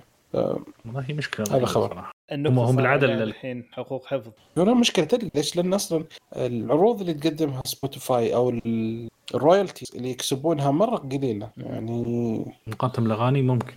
اي مقارنة بالأغاني. حتى الأغاني يعني يقول لك آه، كانوا فترة زعلانين على سبوتيفاي وزي كذا عشان سالفة المبالغ البسيطة اللي تقدمها. يقول لك كمان تنحسب على حسب عدد عدد مرات الاستماع لها صح؟ على حسب السماع على حسب ال download إيه، كيف. كيف فكرتها يعدل مرات استماع هي أو كيف؟ اي يقول لك مثلا دقيقة خل في معادلة جابوها هذيك المرة ان عدد يعرف- المستمع مم. مع عدد هذا وكم تأخذ ال royalties ويطلع لك بالضبط فيطلع مبلغ بسيط مم. المشكلة في المقاطع الكوميدية حتكون مدتها ما هي ثلاث دقائق زي أغنية ولا دقيقتين مدتها عشر دقائق ربع ساعة صعب إنك تستفيد منها كثير في مشكلة ثانية بعد إن المقطع كوميدي ما راح يسمع واحد آه، كل يوم. مرة واحدة. يسمع النكته وخلاص. عكس الأغنية يمكن الأغنية يعيدها كم مرة. يعني تخيل يقول كمان. لك.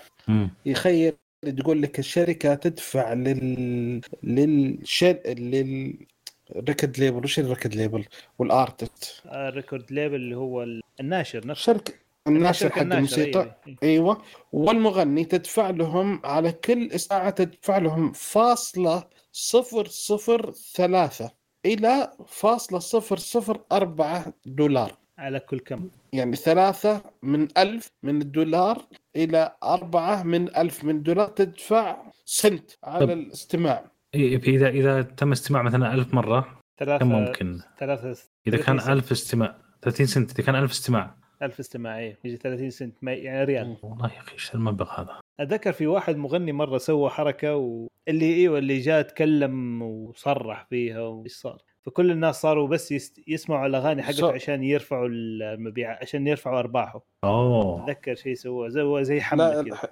لا يقول لك الحين زي مثل مثلا يطلع لك آه، يدفع تقريبا آه، من كل ألف استماع يدفعون ثلاثة دولار. الثلاثة دولار حتتقسم على عدة جهات اللي هو الشركة الناشرة طيب؟ وحيت لل آه، حتدفع للشركة الناشرة وتدفع للكاتب وتدفع لل آه، شو اسمه؟ مغني. الشركة اللي اللي صوت الأغنية. في شركة المونتاج وفي شركة حقت التنشر وفيه ال- الملحن وفي الكاتب وفي المغني. فتخيل إذا سمعت ألف يتقاسمون هذول كلهم يتقاسمون بثلاثة دولار. طبعا هذا تتكلم عن الاغاني أما المقاطع الكوميدية هذه زي ما ذكرت اول هذه قليل استماعها أقل من الأغاني بكثير. أكيد. وثاني شيء. تسمعها مرة واحدة ما حت صحيح خلاص سمعت نكتة ما حتسمع نكتة مرة ثانية إلا يمكن بعد أربع اشهر خمس اشهر يعني في نفس اليوم ما راح تسمعها خمس مرات نفس. النكتة إيه بالضبط بس في حاجة في أوكي. المقاطع الكوميدية ما فيها ما فيها فيها إنتاج لكن ما فيها مثلا كاتب ما فيها. لا ممكن يكون فيها كاتب لا ممكن يكون فيها كاتب أيوه صح إلا لكم كاتب صح. ممكن يعني بس برضو هي عشان كذا- مرة مرة ما يعني عشان كذا هم يبغون يحاولون يدخلون يعني يحطون للكتابة بعد ياخذون عليها عشان نربح شوية طيب معلش آه، لو قلنا أقوى تطبيق آه، موسيقى هل هو سبوتيفاي عالميا؟ ممكن سبوتيفاي أكثر شيء مشهور طيب آه، اللي تحته وش ممكن أقرب منافس له؟ ممكن بسبب الترتيب حيكون سبوتيفاي طيب. Apple عالميا Music مين؟ Tidal آه، Tidal Deezer Amazon Music Amazon وبعدين YouTube Music أو يوتيوب ناسينا والله. هذا الترتيب اي على المستوى العربي بصراحة أنا أشوف هنا أنغامي مرة متم... اي أنغامي صح لأنه هو الأقدم أتوقع. فيمكن جاي Deezer جاي كذا بال هو يا أنغ- آه، سبوتيفاي بس يعني خاشين بقوة بس أنغامي أشوف إنه لا زال. مع انه أشوف سبوتيفاي داخل على السوق العربي بقوة أكثر.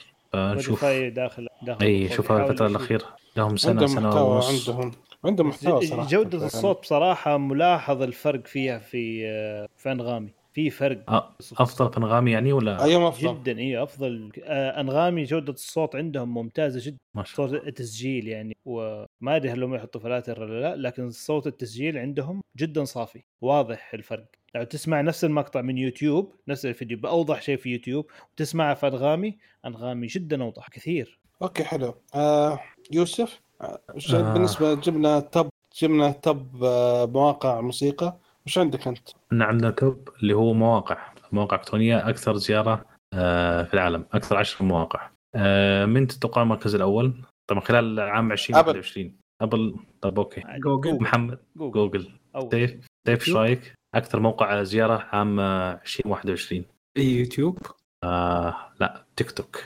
لا. أيوة. أوه، أكثر من؟ جوجل مو صار. بس- مو أول مرة. جوجل تنزل. أول مرة جوجل تنزل المركز الثاني والتيك توك هو الآن المركز الأول طبعا في عام 2021 ترتيب المواقع أكثر زيارة. فلو جيناها بالترتيب رقم واحد تيك توك رقم اثنين جوجل رقم ثلاثة فيسبوك مايكروسوفت خمسة أبل ستة أمازون سبعة نتفليكس. ثمانية يوتيوب شوي ترتيب غريب صراحة. غريب. تسعة تويتر عشرة واتساب. واتساب. المدى البعيد هذا مو مو شيء كويس إنه يكون تيك توك رقم واحد. صح. والله لا شوف شوف يمكن الآن الترند اللي صاير الآن الفيديوهات القصيرة. فعشان كذا يوتيوب يعني حتى كثير من بعض القنوات اللي أتابعها القنوات العربية وبعض الأجنبية صار عندهم انخفاض كبير في عدد المشاهدات وعدد آه، التفاعل في اليوتيوب. ففي بعضهم توجهوا وراحوا على التيك توك في ناس راحوا على ال Reels في إنستغرام. في ناس راحوا على يوتيوب آه، Shorts أتوقع اسمها اللي اي يوتيوب إي. Shorts الحين هو ال- فاللي ينزلون مقاطع قناتهم المقاطع الطويلة العادية هذه آه، لاحظوا أن فيه خلال الشهر الماضي تحديدا في قلة في المشاهدات والتفاعل. فبعضهم قال ليش أشتغل وأتعب؟ في النهاية ما في أي تفاعل. يعني المجهود اللي قاعد أسويه والإنتاج. فما أدري وين الترند رايح هل بيرجع يوتيوب؟ يعني على المقاطع الطويله ولا خلاص الترند الآن على المقاطع السريعة؟ آه ما أدري. وهنا المشكلة إنه صايرين الناس الحين حيتعودوا على إنهم مثلا يتفرجوا مقاطع قصيرة خلاص. وعشان مو كذا في كويس. في ناس صاروا ما يشوفون آه، مسلسلات أفلام ما عنده وقت. اعطني الموضوع بسرعة يلا خلصني ما عنده صبر. صح. حلقة 40 دقيقة يقول لك إيش؟ أوه. وين؟ طويلة. 40 دقيقة هذا نصف حتى الفيلم مدته ساعتين. وتلقاه أصلا قبل كان يناظر آه، Breaking Bad حلقة الذبانة. 45 دقيقه okay الخبر اللي بعده حلو. الخبر اللي بعده عندنا من آه، من اي ام دي اي ام دي تعلن عن آه، زن 4 في CES 2022 طبعا ال- ال- الخبر بيقول إنه حتكون آه، زن 4 حتكون بمعمارية 4 نانو. آه لا 5 نانو معليش. وراح تكون أسرع من المعمارية القديمة اللي هي زن 3 ب 29% وبالنسبة للمعالجات اللي حتكون فيها كرت شاشة مدمج حتكون RDNA 2 وفي نفس الوقت حيطلقوا كمان ال- اللي هو ال motherboard ات حقتهم الجديده سلسلة ال 600 اللي حتكون تدعم ال DDR 5 فنستنى ونشوف إيش ممكن يقدموا لنا AMD في المعمارية الجديدة حقتهم. أتمنى شيء منافس. أنا بالنسبة لي آه، شايف إنتل جالسة تأخذ السوق وهذا شيء كويس. حلو إنه يكون في منافسه أنا ما أبغى ال gap يكون عالي ما بين AMD وانتل لأنه شفنا الفترات اللي راحت إيش كانت تسوي إنتل لما كان في gap كبير ما بينهم وما بين أي معالج من AMD فكانت هي ماخذة السوق. فأتمنى أتمنى إنه يكون في منافسة بس نحن المفروض اللي نستفيد. ما يكون في احتكار لسوق الشركة معينة عن الثانية. الان الاحتكار حيبدا شوية من AMD هو الآن في موازنة بس AMD لسه الحين بدأت تطلع شو. مكان انت الأول. هذا اللي ملاحظه أنا مو هذا شيء مو كويس. مرة مو كويس. بس انت الحين بتدخل بقو... بتحاول ترجع بقو... لكن الحين ف Ryzen 4 زين 4 هذه. أنا متحمس أشوف إيش اللي راح يسووا لأنه أنا حان وقت التحديث. اديله اللي عندي أنا زين 2 لسه و... بس كأنه في شيء دحين حيختلف في الجديد. قالوا حيغيروا كمان ل LGA حيصير. حيصير بدل ال AM 4 إيه، لا ال AM 4 ما راح يصير لا آسف ال AM 5 إحنا الآن في AM 4 أيوه. لو حينزل حينزل ب LGA اللي هو إيش land grid array يعني حيشيلوا مو ال CPU عادة يكون فيه زي الدبابيس دي. أيوه pins. pin يب فحيصير حتصير زي انتل يصير ال pins موجودة في ال socket نفسه في ال motherboard ما حتكون في ال CPU. أنا بالنسبة لي أحسن لأنه أنا طعجت بصراحة المعالج وأنا بركبه أول مرة. طعجت واحدة اللي يلا زبطتها ورجعت الحمد لله للآن كل شيء شغال. محدثكم منه. الحمد لله. أهم حاجة. أنت لا تفكه. اي لا ما راح أفكه ترى. لين أسوي له upgrade أجيب الثاني وبعدين أركبه. حتى ال upgrade خلي هذا على جنب كذا أبو اللي زي ما هو السكر أي واحد مثلا يبغى PC ولا حاجة اديه ال mother بال processor على طول كذا. مرة واحدة خلاص. خذوا ملحم فيه وخلاص خذوا اي تريح مخك ها؟ أنا خايف لأنه لو فكيته حينقطع ال pin هذا بس. هذه مشكلتين دي فعليا في في ناس كثير بي- بيقولوا إنه أحيانا نفس ال- ال- القطعتين بتنفصل عن بعض. إيوه وصارت معي ترى أكثر من مرة. وأنا ب... وأنا بشيل ال... كنت بغير ال thermal paste وح... كنت بش... بشيل ال- شو اسمه ال air cooler كان عليه مروحة وحطيت عليه water cooler يصير تبريد موية ويصير أفضل. ف... وأنا بشيله ما رضي يتفك ملصق يوم. فكيته اتخلع المعالج من ال motherboard. فكانت استخدمت القوة. والله اضطريت. أنا ما توقعت آه، المعالج يطلع. يا يا قاسي يا قاسي. لا هو هو المفروض إنه تحاول في في في أشياء ممكن تحاول تخليها تضغط ال processor على أساس إنه يسبب حرارة ولا حاجة بحيث إنه شوية كذا يبدأ يفك. إي بالضبط. هو خذها أنت وهي حارة لا تأخذها وهي خلاص بردت. أنا كنت وقتها. مقفل الكمبيوتر لي يمكن ساعة فقده نشف. هذه هي هذه مشكلة. أتعلم. بس حخليه خل- حخليه دحين لين يجي إن شاء الله. طيب الخبر اللي بعده؟ الخبر امازون اللي بعده؟ إيه. امازون ولا- عندك أنت صح؟ أيوه عندي. اديله. طيب الخبر اللي بعده امازون آه، خلال سنة 2021 هم مو ناويين يكملوا السنة دي على خير. هذه المرة الثالثة اللي ال data center عندهم يطفي. حصل آه، off. إيه انقطعت الكهرباء على واحدة من ال data center فلخبطت الدنيا. عندك آه، Slack بطل يشتغل عن ناس كثير. Epic Games ال Epic Game Store برضو وقف. آه وبعض الخدمات الثانية كمان اللي موجودة في ال cloud اللي عند امازون برضو وقف. قعدت حوالي ساعة تقريبا حوالي حوالي ثلاث ساعات. الخدمة كانت متوقفة تماما off. لين اشتغلت السيرفرات مرة ثانية. وحتى بعد ما اشتغلت آه، السيرفرات آه، أخذت وقت لين ترجع recovering كل الخدمات ترجع مرة ثانية شوية شوية.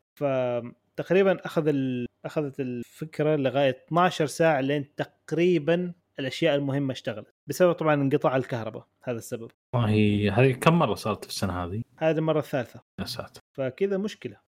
نتكلم على 12 ساعة كثير. وأكثر. كثير كثير. لا وخدمات مو خدمة واحدة خدمات كثير يعني. خدمات كثيرة ومهمة. فالكلاود إلى الآن ما هو ما هو حل كويس ممكن يوفر فلوس من اشياء لكن ترى ما هو لا يعتمد عليه. في النهاية كمبيوتر بس موجود عند واحد ثاني. الكمبيوتر لما يخرب عندك أنت عندك. تقدر تشوفه وتظبط وتسوي أي شيء. لما يكون عند أحد ثاني صح المسؤولية عليه بس إيش استفدت إذا الخدمة حقتك راحت؟ صحيح. فبرضه يعني. آه، طبعا غير المرات اللي فاتت غير المشاكل انقطاع الكهرباء كان في مشاكل في آه، كان في hacking صاير عنده والله مصيبة. hacking وحوالة حول مصيبة.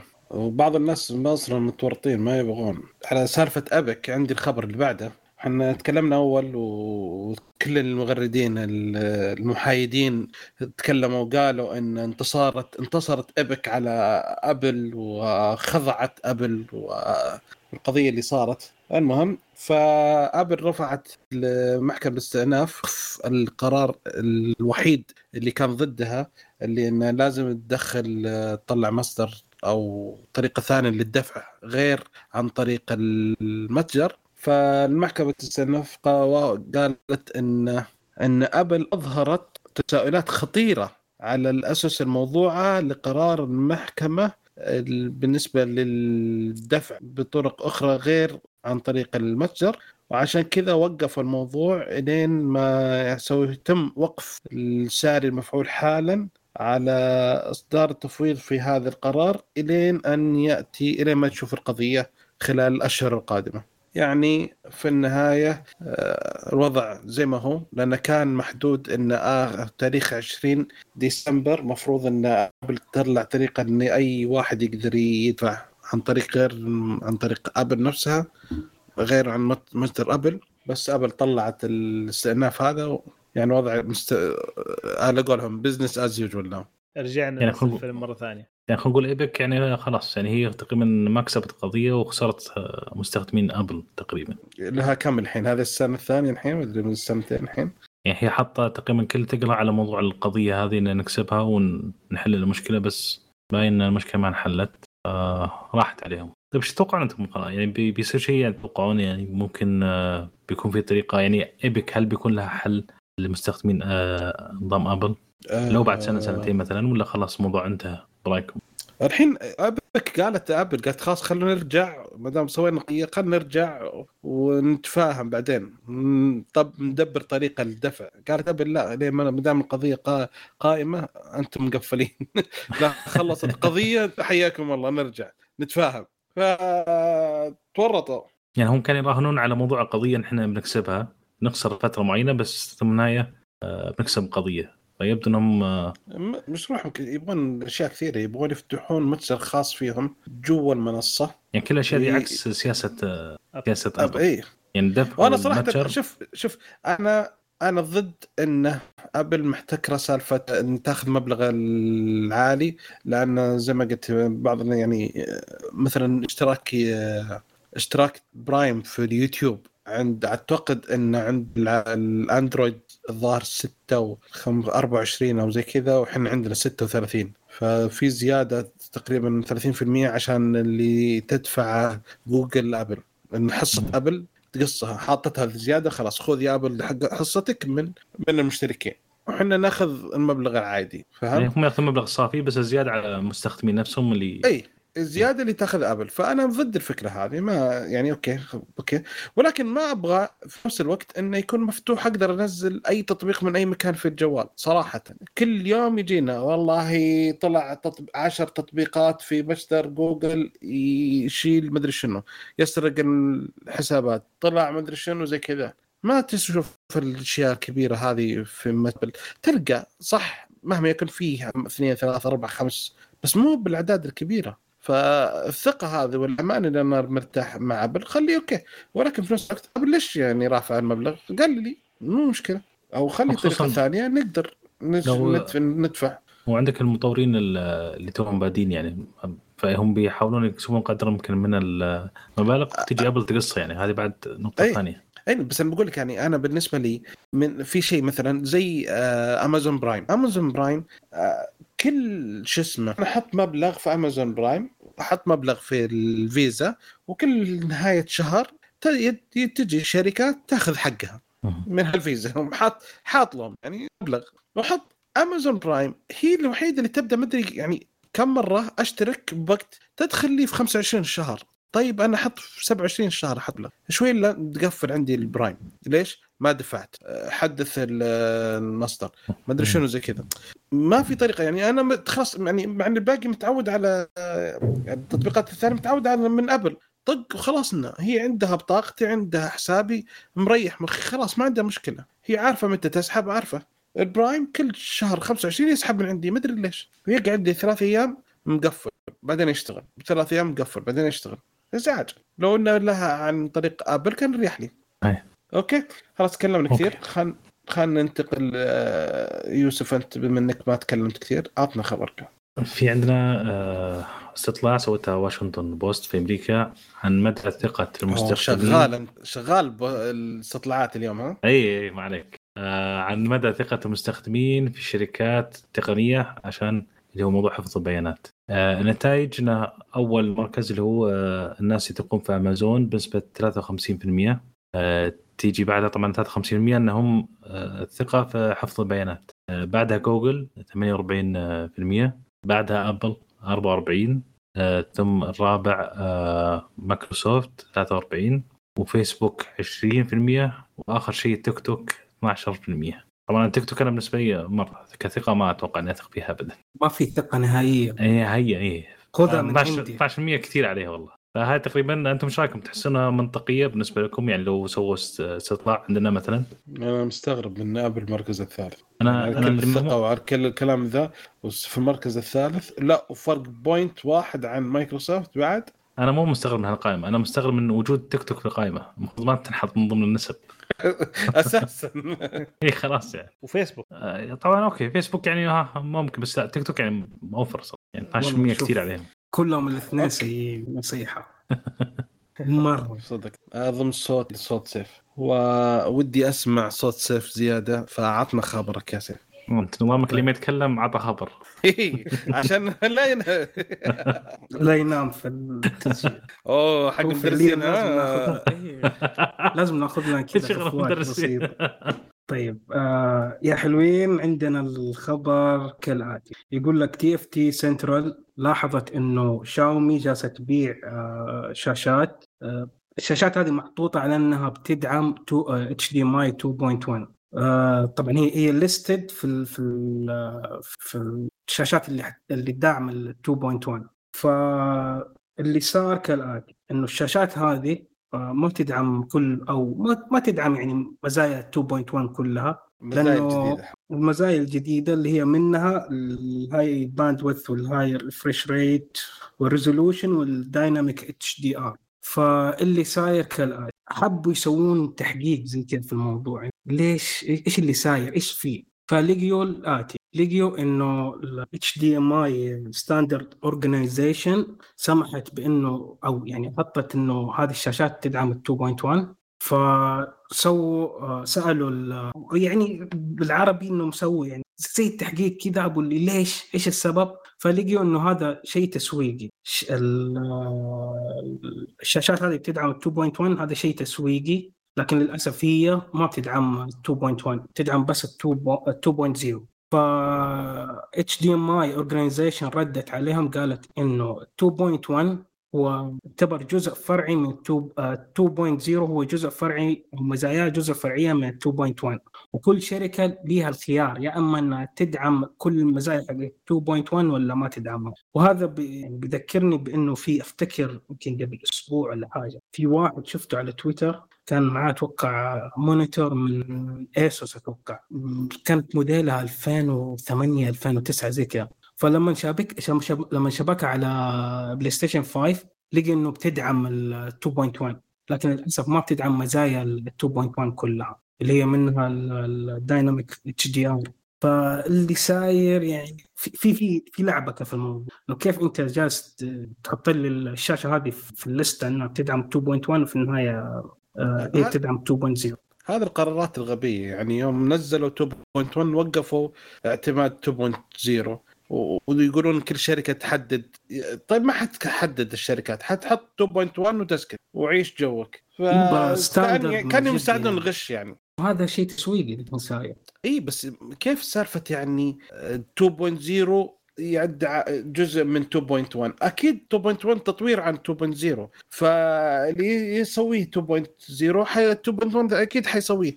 بس 2.1 له مزايا. مهم يعني صراحة غباء. حركة غبية جدا من جهة غبية. مطلوب منهم انهم يشوفون المشكلة هذه. يعني هم المفروض منظمه هي هي اللي بتدير الشيء هذا. انت كيف إي هذا جالس بتخلي لي والله كل شركه على مزاجها إي هذا هو يعني يعني عذرا أقبح من الذنب. يعني أنت وقفت دعم اعتماد 2.0 خلاص. بس وضح لي ممكن الشركات ليش وقفت الدعم اعتماد 2.0 في بعض الشركات لسه صح؟ في ناس يستخدمون الحين يو إس بي بعض الشركات الصينية إلى أن يستخدمون مايكرو صح ولا لا؟ في بعض أجهزتهم. آه علينا بس يلا غلط. آه محمد عطنا آخر خبر. آه 5G دحين مسوي مشاكل في آه الطيران في أمريكا. آه هي الاساس شركة ايرباص وشركه ايرباص وبوينغ أعتقد أرسل بدأوها وأرسلوا ال FAA اللي هو ال Federal Aviation Agency وكالة الملاحة في أمريكا. ف اللي انتبهوا له إنه في مخاطر على 5G للطيران. بتأث... اكتشفوا إنها بتأثر على جي... العنصر ال altimeter اللي يحدد ارتفاع الطيارة عن الأرض. آه 5G بيأثر على النظام هذا. فال FAA قالوا إنه كنظام المفروض إنه يحاولوا الشركات إنه يا انه إنه ما يستخدموها في أغلبية المطارات وانه إذا تبغى تستخدمها لازم تتأكد إنها مثلا إنه القراءة صحيحة وإنه تكون متأكد إنها مثلا معزولة بشكل إنه الموجات الخارجية زي ال 5 جي ما يأثر عليها. وقالوا إنه ترجع في النهاية للطيران. إحنا ممكن نحذركم نقول لكم والله فيها كذا وكذا. أنت بعدين ترجع للطيار وشركة الطيران اللي تحدد. والنظام هذا حق الألتيميتر كمان قالوا إنه ما يستخدم برضو في كل الحالات. هو يستخدم غالبا بس في إذا كانت الجو ضباب أو فيها مستوى الرؤية منخفض مقارنة ب مقارنة بجو صافي ولا عادي ما في ما في أي عائق. لكن هذا إلى الآن مشكله مشكلة حقيقية. يعني الآن بتواجه 5G بحيث إنه ما هم ما في جهات كثيرة حول العالم إنها تتبنى الفكرة وإنها تطبقها في عندهم في البلد بسبب المشاكل زي كذا. تاثر تأثير على أجهزة تأثير على أشياء حساسة آه طبعا بس آه عشان نكون بشكل أدق ترى هذه ال 5G اللي يسموه ال mid band آه اللي هي أغلبية الشركات في العالم يعني تستخدمها. ال mid band هذه تجي لك آه sub 6 جيجا هرتز تقريبا آه 5 فاصلة حاجة كذا عالية يعني تحت الستة بشوية جيجا هرتز كتردد. المستخدم عندنا. المستخدم عندنا بالضبط. إحنا عندنا في في طريقتين لل 5G على فكرة. في عندك ال sub sub sub في عندك ال sub sub 6 sub 6 جيجا هرتز قلها ست مرات ورا بعض. ها؟ والله ما حقدر.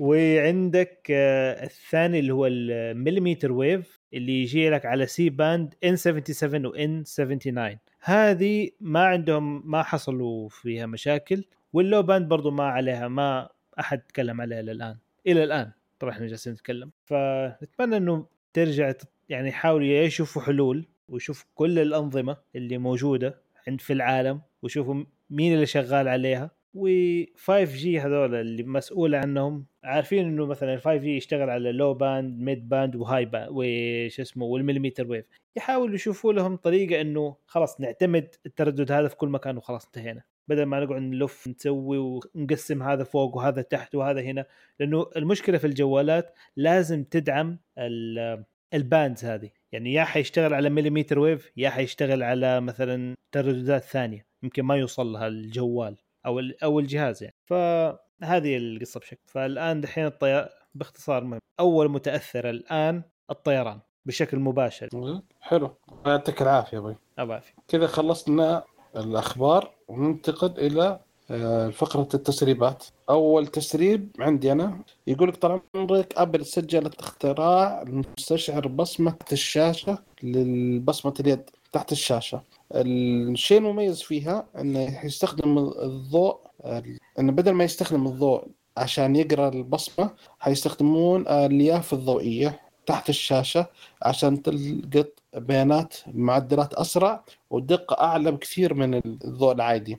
الحين حاليا في طريقتين في الضوء وفي ال ultrasound بعض المستشعرات ال top high تستخدم ultrasound وبعضها تستخدم lighting. ابل تطور شيء أفضل من من الضوء.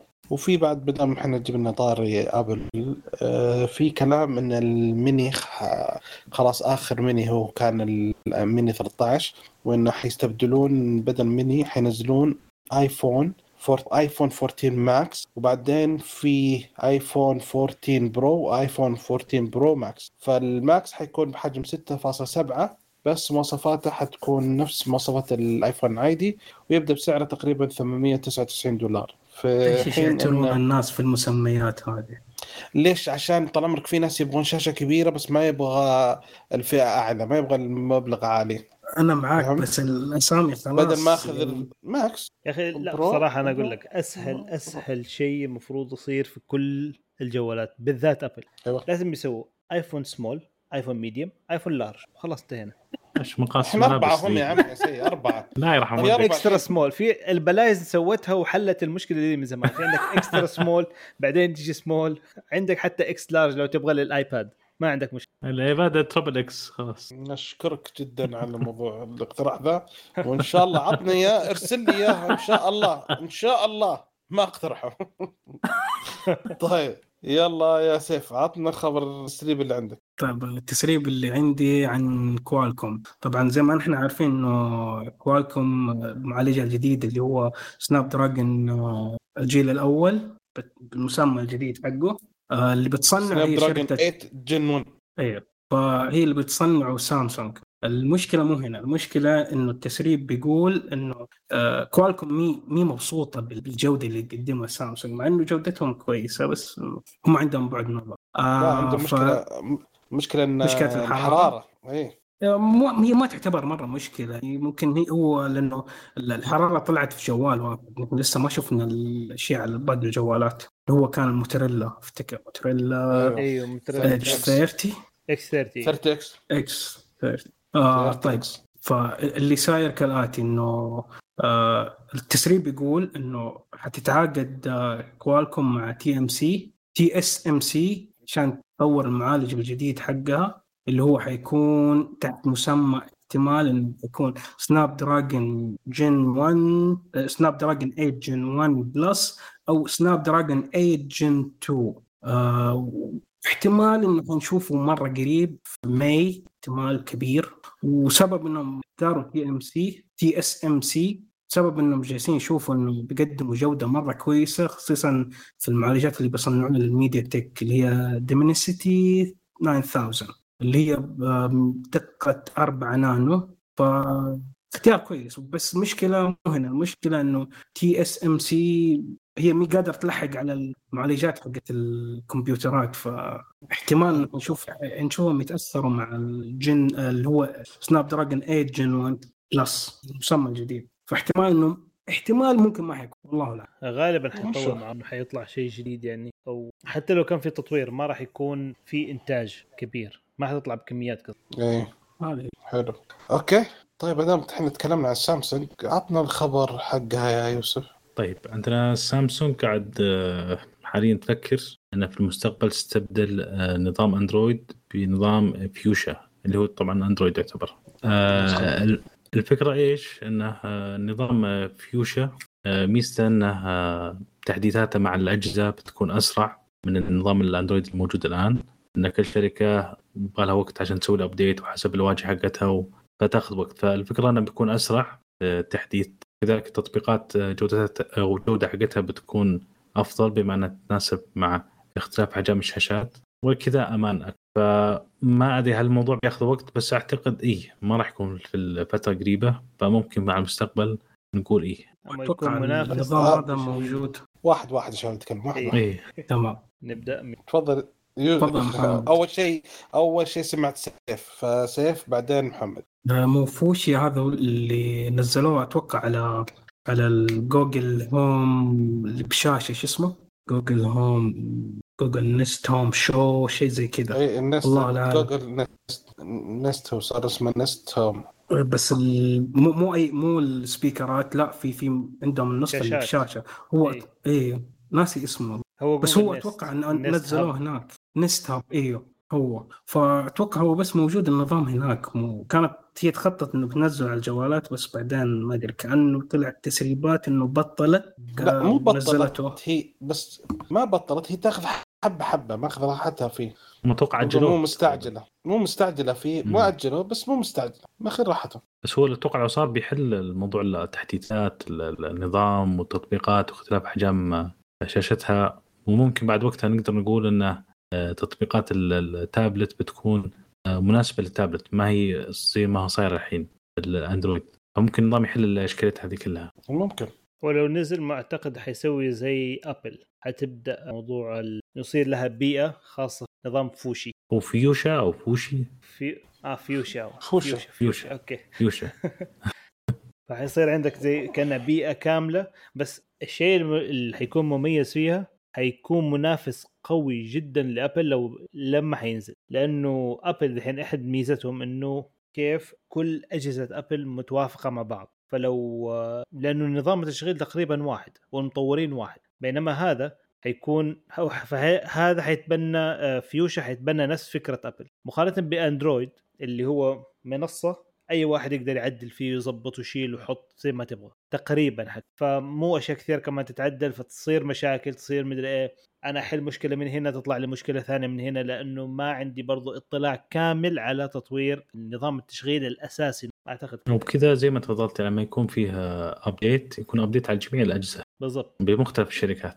آه، تحديثات أمنية تحديثات نظام خلاص. كذا يكون على قولتهم يعني آه، زي ما تفضلت انها زي ما اللي صاير في ابل ال update مهما كان جوالك خلاص. ال update يجيك اليوم يجيك اليوم. ما علي من الشركة حقتك. فهذه ممكن لو صارت بتحل القضية هذه وغير كذا موضوع آه، التطبيقات. التطبيقات ممكن تكون شكلها أجمل مع اختلاف أحجام الشاشات. أجهزة أندرويد مو زي مثلا أجهزة الأبل. آه، كثير أحجام. أحجام يجيك جوال نحيف جوال طويل أو يجيك مثلا تابلت مثلا. فكل هذه ممكن يحلها النظام الجديد. بصدق اي الاندرويد المبرمجين- راح يكرهوا الفكرة هذه لسبب. اي أكيد. بيكون متعب عليهم غالبا حتطلع بلغة برمجة جديدة. امم على فكرة على سالفة آه، سامسونج ترى في عنده شغل واجد عندهم شغل واجد مسوين. تدري إن في إخبار إن سووا فريق خاص في الصين بس عشان يحاولون يرجعون للصين مرة ثانية. وإن الشخص اللي مسؤول عنها آه، يعني الفريق هذا تبع نائب المدير نفسه السي أو فشكله يعني يبغون يدخلون الصين مرة ثانية لأن خلال السن... الثلاث سنوات الماضية راح صوتهم في الصين مرة اختفى إيه بس إنه المنافسين الصينيين معليش والله شرسين بالمواصفات والأسعار ومصنع محلي. حيكون لهم أولوية طبعا. الشعب الصيني أعتقد كم يحبون الأشياء الوطنية يمكن أكثر من. الاستيراد. أكثر من الاستيراد جدا. أكثر. أوكي. آه، التسريب الثاني عندنا تسريب عن اندرويد 13 أنا عارف في ناس لسه ما شافوا 12 في ناس ما شافوا 11 مو لو. سمحت أنا جوالي 12 من أول ما آسف. نزل من المؤتمر آسف. أنا ما. تكلمت آسف لا تسأل أي، لو سمحت أنا عندي طيب. بكسل والحمد لله الأمور طيبة طيب آه، اسف كيفك يا محمد؟ الحمد لله الحمد لله أوكي فاندرويد 13 سموه Tiramisu ألذ حلا في تاريخ البشرية. آه نزل فيه كم تسريب عن المواصفات الأساسية. أول شيء أن تقدر تسوي تختار اللغة لكل تطبيق منفصل بطريقة منفصلة. يعني آه ما يعتمد على تط... واجهة المستخدم أو لغة النظام أو لغة الهاتف. مثلا تدخل على تطبيق مثلا تويتر تخلي اللغة اللي مدعمة فيه عربي وزي كذا. فحركة حلوة يعني متأخرة بس حلوة. أخيرا جاءت لكم ممتازة لكم تحتاج شيء زي كذا. والله ف إيه، إحنا عندنا الحمد لله. ف من طيب أنت 13 المفروض أنت ما تقول الخبر هذا صراحة. المفروض ما يجي لازم. أقول لكم. المفروض عاد إيش عاد ما حد أخذها خذيت أنا. طيب طيب. أضحي عشانكم لكن انت تقولها ب- يعني عرفت بكبرياء شوي يعني. فالمفروض إنك تكون لغة ال- ال- الخطط أو لغة الخبر نفسها بتكون بطريقة أفضل. ما يكون فيها تكبر أو تعالي. هي نقطة واحدة زينة فعشان كذا الباقي ترى كلها مزايا ما موجودة فعشان كذا خلي خلينا نتعطى شوية بالاولاني أوكي؟ في شيء ثاني إنك تقدر تسمح لتطبيقات في إنها ترسل متى ترسل لك ال notification؟ تتحكم فيها أفضل. أوكي؟ وزيادة على كذا إنها آه، يعني نوعا ما صدق بس على موضوع ال notification نفسي نفسي كذا يحطوا شيء يقفل كل ال notification من كل الجو من كل البرامج. يخليني وقت التسجيل أنا أبغى مثلا هذا البرنامج أبغى منه notification لا ما أبغى. خلاص خليه مقفل. هذا الس... هذا هو الميزة هي بس أنا شرقت sorry sorry آه sorry كحيت. الميزة إنك تقدر تتحكم في تطبيق. هل يرسل لك تط... notification ولا ما يرسل أساسا؟ وحتى لو تبغى متى يرسل وكيفية إرسالها؟ فحيصير في تحكم أفضل كثير على ال- المزايا وال notification فهذا مرة حلو okay؟ الميزة الثالثة بعد إن في شيء ميزة جديدة اسمها TARE وهذه اسمها The Android Resources Economy هذه يحكم تقدر كيف تستخدم موارد الجهاز في الوقت المناسب. okay؟ فيخليك آه، يعني وشو اللي مثلا يعني مثلا تطبيق معين كم يقدر يستخدم من موارد الجهاز؟ من مثلا آه، الرام مثلا المعدات ال- شو اسمه الأجهزة شيء تطبيق مثلا يشغل ميكروفون يشغل الكاميرا ويشغل الرام ويشغل ال- تحديد المواقع زي كذا. فتقدر تتحكم في كل تطبيق وش يقدر يسويه فهذا مرة حلو. هذه أحلى أحلى ميزة يمكن سام؟ هذه أحلى ميزة نزلت لأنه فعليا هم ما عندهم limitation في الموضوع هذا. يعني مخلين الوضع عادي يمشي زي ما هو. بيستخدم رامات قد ما يبغى بيستخدم المعالج كله نصه أي حاجة كل application لوحده. فحلو لما يسووا زي, زي ما تقول موازنة في الموضوع كذا إيه حلو. والميزة الأخيرة حتكون سالفة ال- موقع الساعة. حيكون موقع الساعة موجود. بطريقه تقدر نخلي موقع الساعة يكون كبير مثلا. وإذا كان في أي تنبيه أو زي كذا يتغير مكان الساعة يعني يصغر حجمه يروح حجم فتقدر بدل ما يكون إذا أنت مطفي ميزة ظهور التنبيهات على الشاشة فيظهر تتغير موقع الساعة فتعرف إنه تغير إنه في تنبيهات جتك بدون ما تفتح الجهاز. خلاص تعرف إنه في جت ولا زي كذا. فيساعد إنك تعرف الموضوع ده. هذه تقريبا أهم مزايا أو أهم تسريبات في المزايا اللي في الاندرويد 13 بس مو هم قالوا وقفوا التسمية في الأندرويد؟ الناس الناس كملوا هم. التسمية الرسمية وقفوها.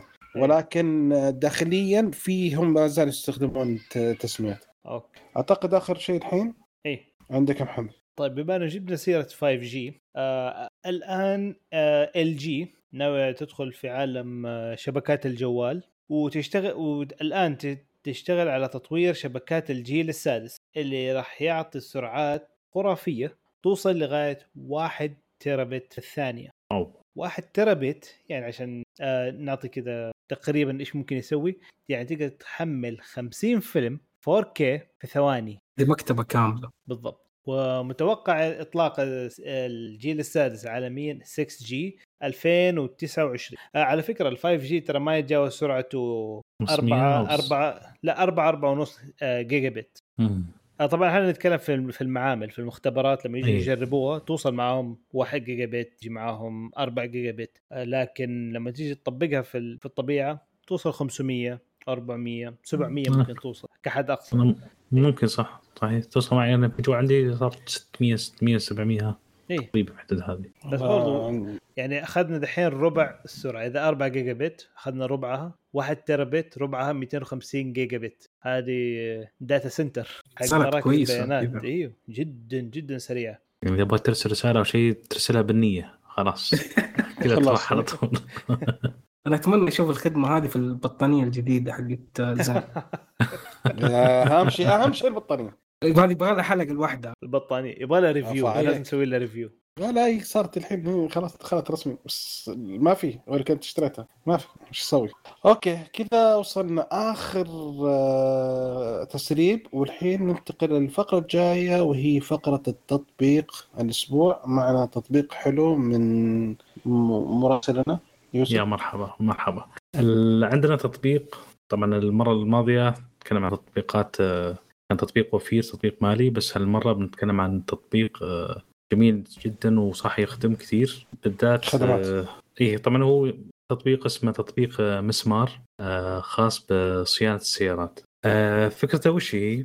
طبعا هو يقدم لك خدمات الصيانه اللي تحتاجها السيارة فحص شامل فحص دوري صيانة دورية حتى لا قدر الله إصلاح ال- الحوادث الفكرة باختصار طبعا أنا جربت التطبيق قبل شهر تقريبا كان عندي مشكلة في السيارة واستخدمت التطبيق وما شاء الله ما قصروا.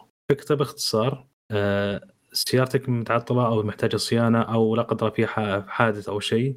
طبعا معروف لما الواحد تخرب سيارته يجي شعور إنه يكره السيارة وعارف أنا عارف التعب اللي بيصير بعدها والقربشه وغيرها. فهي الفكرة وش هي؟ إنه يأخذون السيارة أنت تسوي طلب بالتطبيق تسجل بياناتك بيانات السيارة وتسوي طلب حسب ما الخيارات المتاحة لك مثلا فحص شامل آه، إصلاح آه، مشكلة معينة في سيارة عطل آه، حوادث مثلا أو أي شيء مثلا من الخدمات اللي تحتاجها آه، تحدد اللوكيشن تحدد الوقت وتسوي طلب. مجرد ما تسوي طلب حسب الوقت والتاريخ اللي انت حطيته والوقت مناسب لك يجون بالسطحة يأخذون السيارة وأول ما يستلمون السيارة على طول يجيك اشعار في الجوال في التتبع إنه خلاص تم استلام السيارة. بعد كذا في عندهم ورش آه، شغالين فيها أو معتمدين عندهم آه، ينزلونها الورشة عندهم يفحصونها فحص كامل يعطونك تسعيرة بال, بال أو المشاكل في السيارة وقيمة كل قطعة مع تكلفة الصيانة مع كل التفاصيل. وكذلك يعطون ملاحظات كم ممكن آه، تاخذ وقت عمل آه، كم ياخذ وقت وكم أسعارها والضمانات وكل شيء. طبعا الحلو في الموضوع وش هو؟ إن هالشيء بعد ما يعني يفحصونك السيارة إن في مشرفين من نفس التطبيق طبعا كلهم سعوديين هم يشوفون إشراف كامل على السيارة. فأنت تريح راسك من موضوع الورشة وإنك تشوف الإصلاحات أو الاشراف عليها كل هالكلام أنت في غنى عنه. فبعد ما يشيكون على السيارة يجيك إشعار في التطبيق إنه خلاص الآن جاري الفحص. بعد ما تنتهي عملية الفحص يرسلونك عرض سعر. عرض سعر زي ما قلنا في كل ال- ال- المبالغ بالقطعة بالشغل اليد بكل شيء. آه، في حال وافقت على عرض السعر هذا أو أعجبك العرض خلاص تحط قبول تجيك شاشة الدفع تدفع رسومك. والسيارة يصيرون شغالين فيها؟ يصلحونها وكل شيء ويجيك طبعا كل هذه يجيك خيارات موجودة. إن تم إصلاح سيارة أو جاري العمل على إصلاحها. آه، مجرد ما يعني خلاص انتهت الصيانة وجهزوا السيارة زي ما تبغى أنت يسوون لك طلب انه خلاص السيارة الآن جاهزة. ادخل في التطبيق وحدد متى ودك نجيب السيارة لك. حدد الموعد والتاريخ. تجيك السيارة خذ مفتاحك. السلام عليكم. كذا أنت ريحت نفسك بكل بساطة. والتطبيق طبعا ميزته أنه يضمن لك آه، الصيانه لمدة شهر كامل على القطع وعلى الاصلاحات وعلى كل شيء. فنقدر نقول إنه يريحك دام أنت ما تصير تتابع الورق الورش نفسها وتدور وتروح. هم يأخذونها ويشوفون عليها طبعا ويعطونك ضمان والقطع كلها يأخذونها قطع أصلية. وهم بس يأخذون قيمة آه، تكلفة آه، اللي هي تقريبا 250 ريال اللي هي تكلفة السطحة. زائد الاشراف الباقي راح تكون تكلفة الورش. والتسعير ومعرفة المشكلة وتسعيرها صح؟ كذا 250 ريال. هو 250 هذه تشمل إيش؟ 250 ريال هذه تشمل السطحه تأخذها للورشة وارجعها. زائد الاشراف المبالغ الثانية. مبالغ الصيانة نفسها. حق آه. مع- الورشة. مع الورشة. طبعا الورش عندهم متفقين مع ورش كثيرة. آه، غير كذا بعد إنهم الميزة اللي لها مش إنهم يشوفون عليها بنفسهم. يعني في مشرفين عندهم سعوديين مهتمين أو مختصين في هالمجال يشوفون على السيارة يتابعون فيها كل شيء. فما تطلع السيارة عندهم إلا هم متأكدين من كل شيء. زائد إن يعطونك ضمان عندهم لمدة شهر كامل لأي شيء لا قدر الله صار في أي شيء. آه، طبعا في عندهم صيانة حوادث بعد لا قدر الله لو فيه شيء انه يأخذون السيارة للتقدير ويصلحونها ويرسلون تقريب الإصلاح ويشوفون على كل شيء. التطبيق جدا سهل. أنا لما جربتها. آه، كان عندي عطل في السيارة. الوكالة قالوا بياخذ وقت. آه، تحجز موعد. ما في موعد. آه، يبغى كم يوم موعد. الموضوع قروشني صراحة فنزلت التطبيق دخلت بيانات السيارة اللي عندي سويت طلب. كان يوم الثلاثاء تقريبا العصر تقريبا الساعة 4 آه، اخذوا السيارة. آه، يوم الأربعاء الصباح أرسلوا لي تقرير كامل عن السيارة وش فيها وش ما فيها وكل شيء وعطوني ال- عرض السعر. طبعا okay عرض سعر مناسب. دقيت عليهم قلت معلش أنا عندي طلب إضافي من عندي. في شيء ثاني ودي تركبونه ودي تغيرونه. ما له دخل بالعطل بس يعني طلب عندي ودي يغيرون القطعة الفلانية. راحوا شروا قطعة وضبطوها وركبوها وصلحوا السيارة. يعني تقريبا جلست السياره يوم الأربعاء أو الثلاثاء العصر خذوها. الخميس الصباح الساعة 10 جابوها عندي. آه، أنا دفعت 250 قيمة ال- ال- السطحة والإشراف والباقي شغل الصيانة. وزاد عليها ضمان بعد. هي هذا آه، اهم نقطه إيه، هم يضمنونها الضمان- الضمان هذا جدا جدا مهم. لا، ترى ويضمن. الفكرة إيش؟ تعرف لما واحد يعني تخرب سيارته يكره السيارة ويتعب لين يشيل هم الورشة يشيل هم آه، فأنت خلاص هم يصيرون مشرفين عليها ويتابعونها وفي بعد يعني ما شاء الله عليهم آه، يهتمون بدقة التفاصيل يعني حتى السيارة أول ما توصل يتابعونها ويشوفون عليها قبل وبعد وأثناء العمل. آه، طبعا الخدمة الآن آه، يمكن ما تنفع لكم لأن هي متاحة حاليا فقط في الرياض حاليا إن شاء الله راح يتوسعون في مناطق ثانية بإذن الله تعالى. والله نحتاج آه. بشده وب... وبقوة. والله فعلا متميزين ما شاء الله. أنا طبعا ما قلت هالكلام إلا عن تجربة جربتها قبل شهر الخدمة. آه، فعلا آه، بصراحة ما قصروا. يعني آه، شغلهم ممتاز وفعلا يريحون راس واحد. تعطيهم السيارة يودونها لك ويجيبونها لك وكل شيء. فما لك إلا كل شيء زين. غير كذا ما حد ضمان. يعني وفعلا حتى تواصلوا معي بالتليفون يسالون عن شيء ثاني. يعني فعلا ما شاء الله جتهم فعلا فاهمين. آه، فهذا تقريبا تطبيقنا ال- ال- هالاسبوع إن شاء الله يكون شرح بس واضح. إذا في ملاحظات أو في شيء ما هو واضح ممكن آه، آه، نوضحها إذا كان في شيء مو واضح. بس تمام يتفاعلوا عندنا هنا في المنطقة الغربية. ولم تجربة بصراحة. لا هم موجودين الآن في الرياض ما شاء الله. وإن شاء الله نقول يا رب نقول يا رب يفتحون في مناطق أخرى إن شاء الله. شوي شوي. بس لحظه في في شيء بعد مهم ترى. كويس. في شيء بعد مهم. ترى؟ ما أيوه. قصروا كلمناهم وقالوا بنضبط متابعينكم آه، بخصم 50% من رسوم الخدمة. ما شاء الله. أي. ما شاء الله ما شاء الله. فراح إن شاء الله نحط ونحط إن شاء الله بإذن الله وصف الحلقة اللي هو رابط التطبيق وكود الخصم. الكود خصم طبعا راح يكون آه، متاح أعتقد إلى الاثنين الجاي أو الثلاثاء الجاي خليني أشوف آه، راح يكون متاح بإذن الله إلين تاريخ آه، 4 يناير. ما شاء الله في وقت أنا حرسل لك آه، سيارتي. آه، يستاهلوا. لا لا ما أنا على فكرة في شغلة صدق. أنا نزلت التطبيق هذا قبل قبل ما تصير مشكلة في السيارة نزلته كذا وقلت يلا ما أدري إيش هالتطبيق نزله ونشوف. بس يوم جت لي مشكله عندي في السياره ورحت كلمت وكاله قالوا أوكي حجز موعد الموعد هذا أصلا عشان يوصلك يبغى لك يومين. وعلى ما تجي السيارة يبغى لك يعني بالعربي أسبوع إيه. أسبوع أسبوع شوي. فنزلت يعني. تطبيق قلت خليني أجرب. الشباب يقولون بنقدم لك ضمان نقدم لك قلت والله نجرب. دامهم يعني موجودين في السعودية وشباب سعوديين يلا نجرب. وفعلا بالله الأمانة من تا- ثلاثاء العصر خميس الصباح استيار عند البيت. خدمة ولا ما شاء الله كويس والله. خدمة ولا أروع صراحة. آه، هو تعرف الميزة وشو؟ إنه لما يفكونك من وجع الرأس من تدور ورشة وتروح تشوف ها تدق على معلم يا معلم يا صار شيء خلصت. تسأل جب. عنه تسأل عنه إيه. أول شيء هو كويس ولا مو كويس. صحيح طبعا كيف حالك؟ ما تعرف إيش. يقول لك بكرة معليش أنا تعبان. مالك بهالقروشه وغير كذا ترى هم يشرفون على العمل نفسه. يعني بعد ترى ميزة مهمة إنهم يشرفون على الصيانة. يعني أوكي ودنا عند ورش معتمدة بس هم يشرفون على الموضوع. فهذا تقريبا تطبيقنا أو شرح مختصر آه، عن التطبيق. وراح نحط ان شاء الله في الوصف رابط التطبيق والموقع وإن شاء الله كود ال- الخصم و بس إن شاء الله يكون الشرح واضح بس. يعني ما يكون في شيء ناقص أو شيء. إذا في شيء مو واضح يا ريت تبلغوني لأن جربت التطبيق. صدقت والله الواحد بعد ما فترة الواحد لما السيارة وزي كذا تحوم كبدة والله يكره يكره الساعة اللي شرى فيها السيارة صراحة. بس مع التطبيق أنت. خلاص تريح راسك يعني. سوي طلب وريح راسك الله يعطيك العافية. الله يعافيك. okay كذا أعتقد إن خ- باقي بس آخر شيء. انه فيه آه، المؤتمرات TCL تقريبا عندها إعلان مميز يوم 4 يناير الساعة 5 مساء بتوقيت السعودية. عاد آه، ما ندري شو الشيء المميز إن شاء يمكن توقعون هاتف مثني التسريبات اللي طلعت؟ أيوه. مو على التسريبات. هو كان فيديو أصلا كان بيستعرض الشاشة؟ مو TCL استعرضت الشاشة حقتهم الجديده ولا أنا ملخبط يمكن هذا هو يمكن. هو المفروض إنه يكون هو بيدخل المجال هذا. مع إنه هم ما هم موجودين قوة يعني في السوق آه، جوالات وكذا بس آه، يعني لو كان بسعر منافس ممكن يستاهل مع إنه صعبه يعني. حلو. على قول يوم أربعة نشوف بإذن الله. آه في شيء قبل ما. ننهي الحلقة؟ أحد يبغى يقول شيء يا شباب منكم ولا شيء؟ عندي بس إضافة بسيطة. اللابتوب اللي تكلمت عنه من شركة اسمها i-Life طال عمرك. آه تبون السعر ولا تبون المواصفات؟ مواصفات اول okay. آه Windows 10 Home ال CPU ماخذ أقوى معالج Intel Atom Cherry Trail Z 8350 آه، 1.44 جيجا هرتز quad core ال- الشاشة 14.1 ال- الوزن 1.6 كيلو. آه، 3 32 جيجا. SD هذا. لا eMMC. و- زمان كان ال SD كان زي. أيوه. أو بدايات نعم. أيوه. وال RAM طال عمرك 2 جيجا بايت DDR 3 مالك كلمة مالك كلمة خلاص. وال front camera 0.3 ميجا بكسل يعني ما تشوفك أصلا. تطلع ضباب.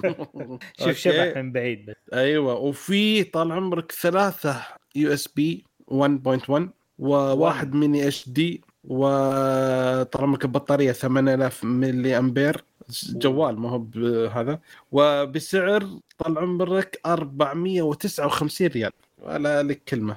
كم؟ هذا مستعمل يكون سعره زي صح؟ لا لا هذا السعر لا. جديد. والله. شكله كانه كأنه MacBook Air. تعرف MacBook Air القديم؟ أيوه حق 2017 زي كذا شكله.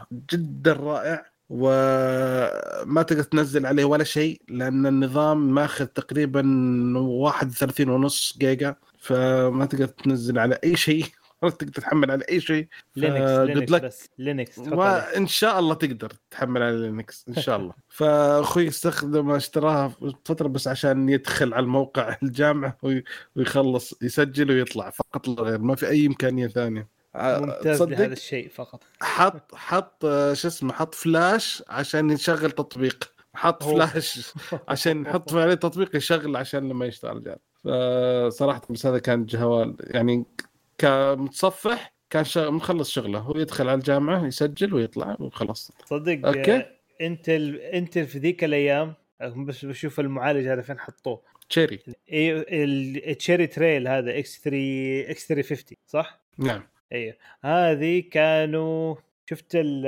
أعتقد إيش Chrome ال Chrome اللي يجي Chromecast Chromecast. مو يجي آه، شو اسمه operating system كامل في له memory في له كل شيء تشبكه بس ب HDMI على الشاشة. أيوه. أيوه إيه. كان Intel مسوين واحد زي كذا كمبيوتر كامل متكامل في له نفس المعالج هذا بإثنين USB بس فيها USB 3 مو العادي وكانوا يشت... بس فكرتها إنها تشبكها بال... بالتلفزيون نفس المعالج بسيط جدا ما يسوي ولا أي حاجة شغله بس إنه يعرض presentation كان ذيك من ذيك الأيام حتى هذا المشكلة. okay. شغال الآن على فكرة ولا كيف؟ وارد شوي يقول شغال كويس يدخل بس يدخل على الجامعة يطقها يطق يسجل ويقفل خلاص. الحين حاط الحين لا ما شاء الله خلص الجامعة ف جالس يقول أفكر أكمل ما أكمل. قلت له جهازك شغال؟ قال لي جاهز. لا كملت. قدم لا بي كملت الماجستير أدي له. قلت الله يسهل امرك okay وكذا تقريبا خلصنا حلقتنا شباب حلوين. آه الله يعافيك أبوي يخليك آه نشكر لكم استماعكم. لنا ونتمنى انكم تساعدونا على الانتشار إنكم تقيمونا على iTunes وتزوروا الموقع وتشاركونا بآرائكم عن مواضيع الحلقة. ردودكم تهمنا. نتمنى انكم تتابعونا في ال social media على تويتر وانستغرام وسناب شات و subscribe في اليوتيوب. ونشوفكم إن شاء الله على ألف ألف خير. مع السلامة.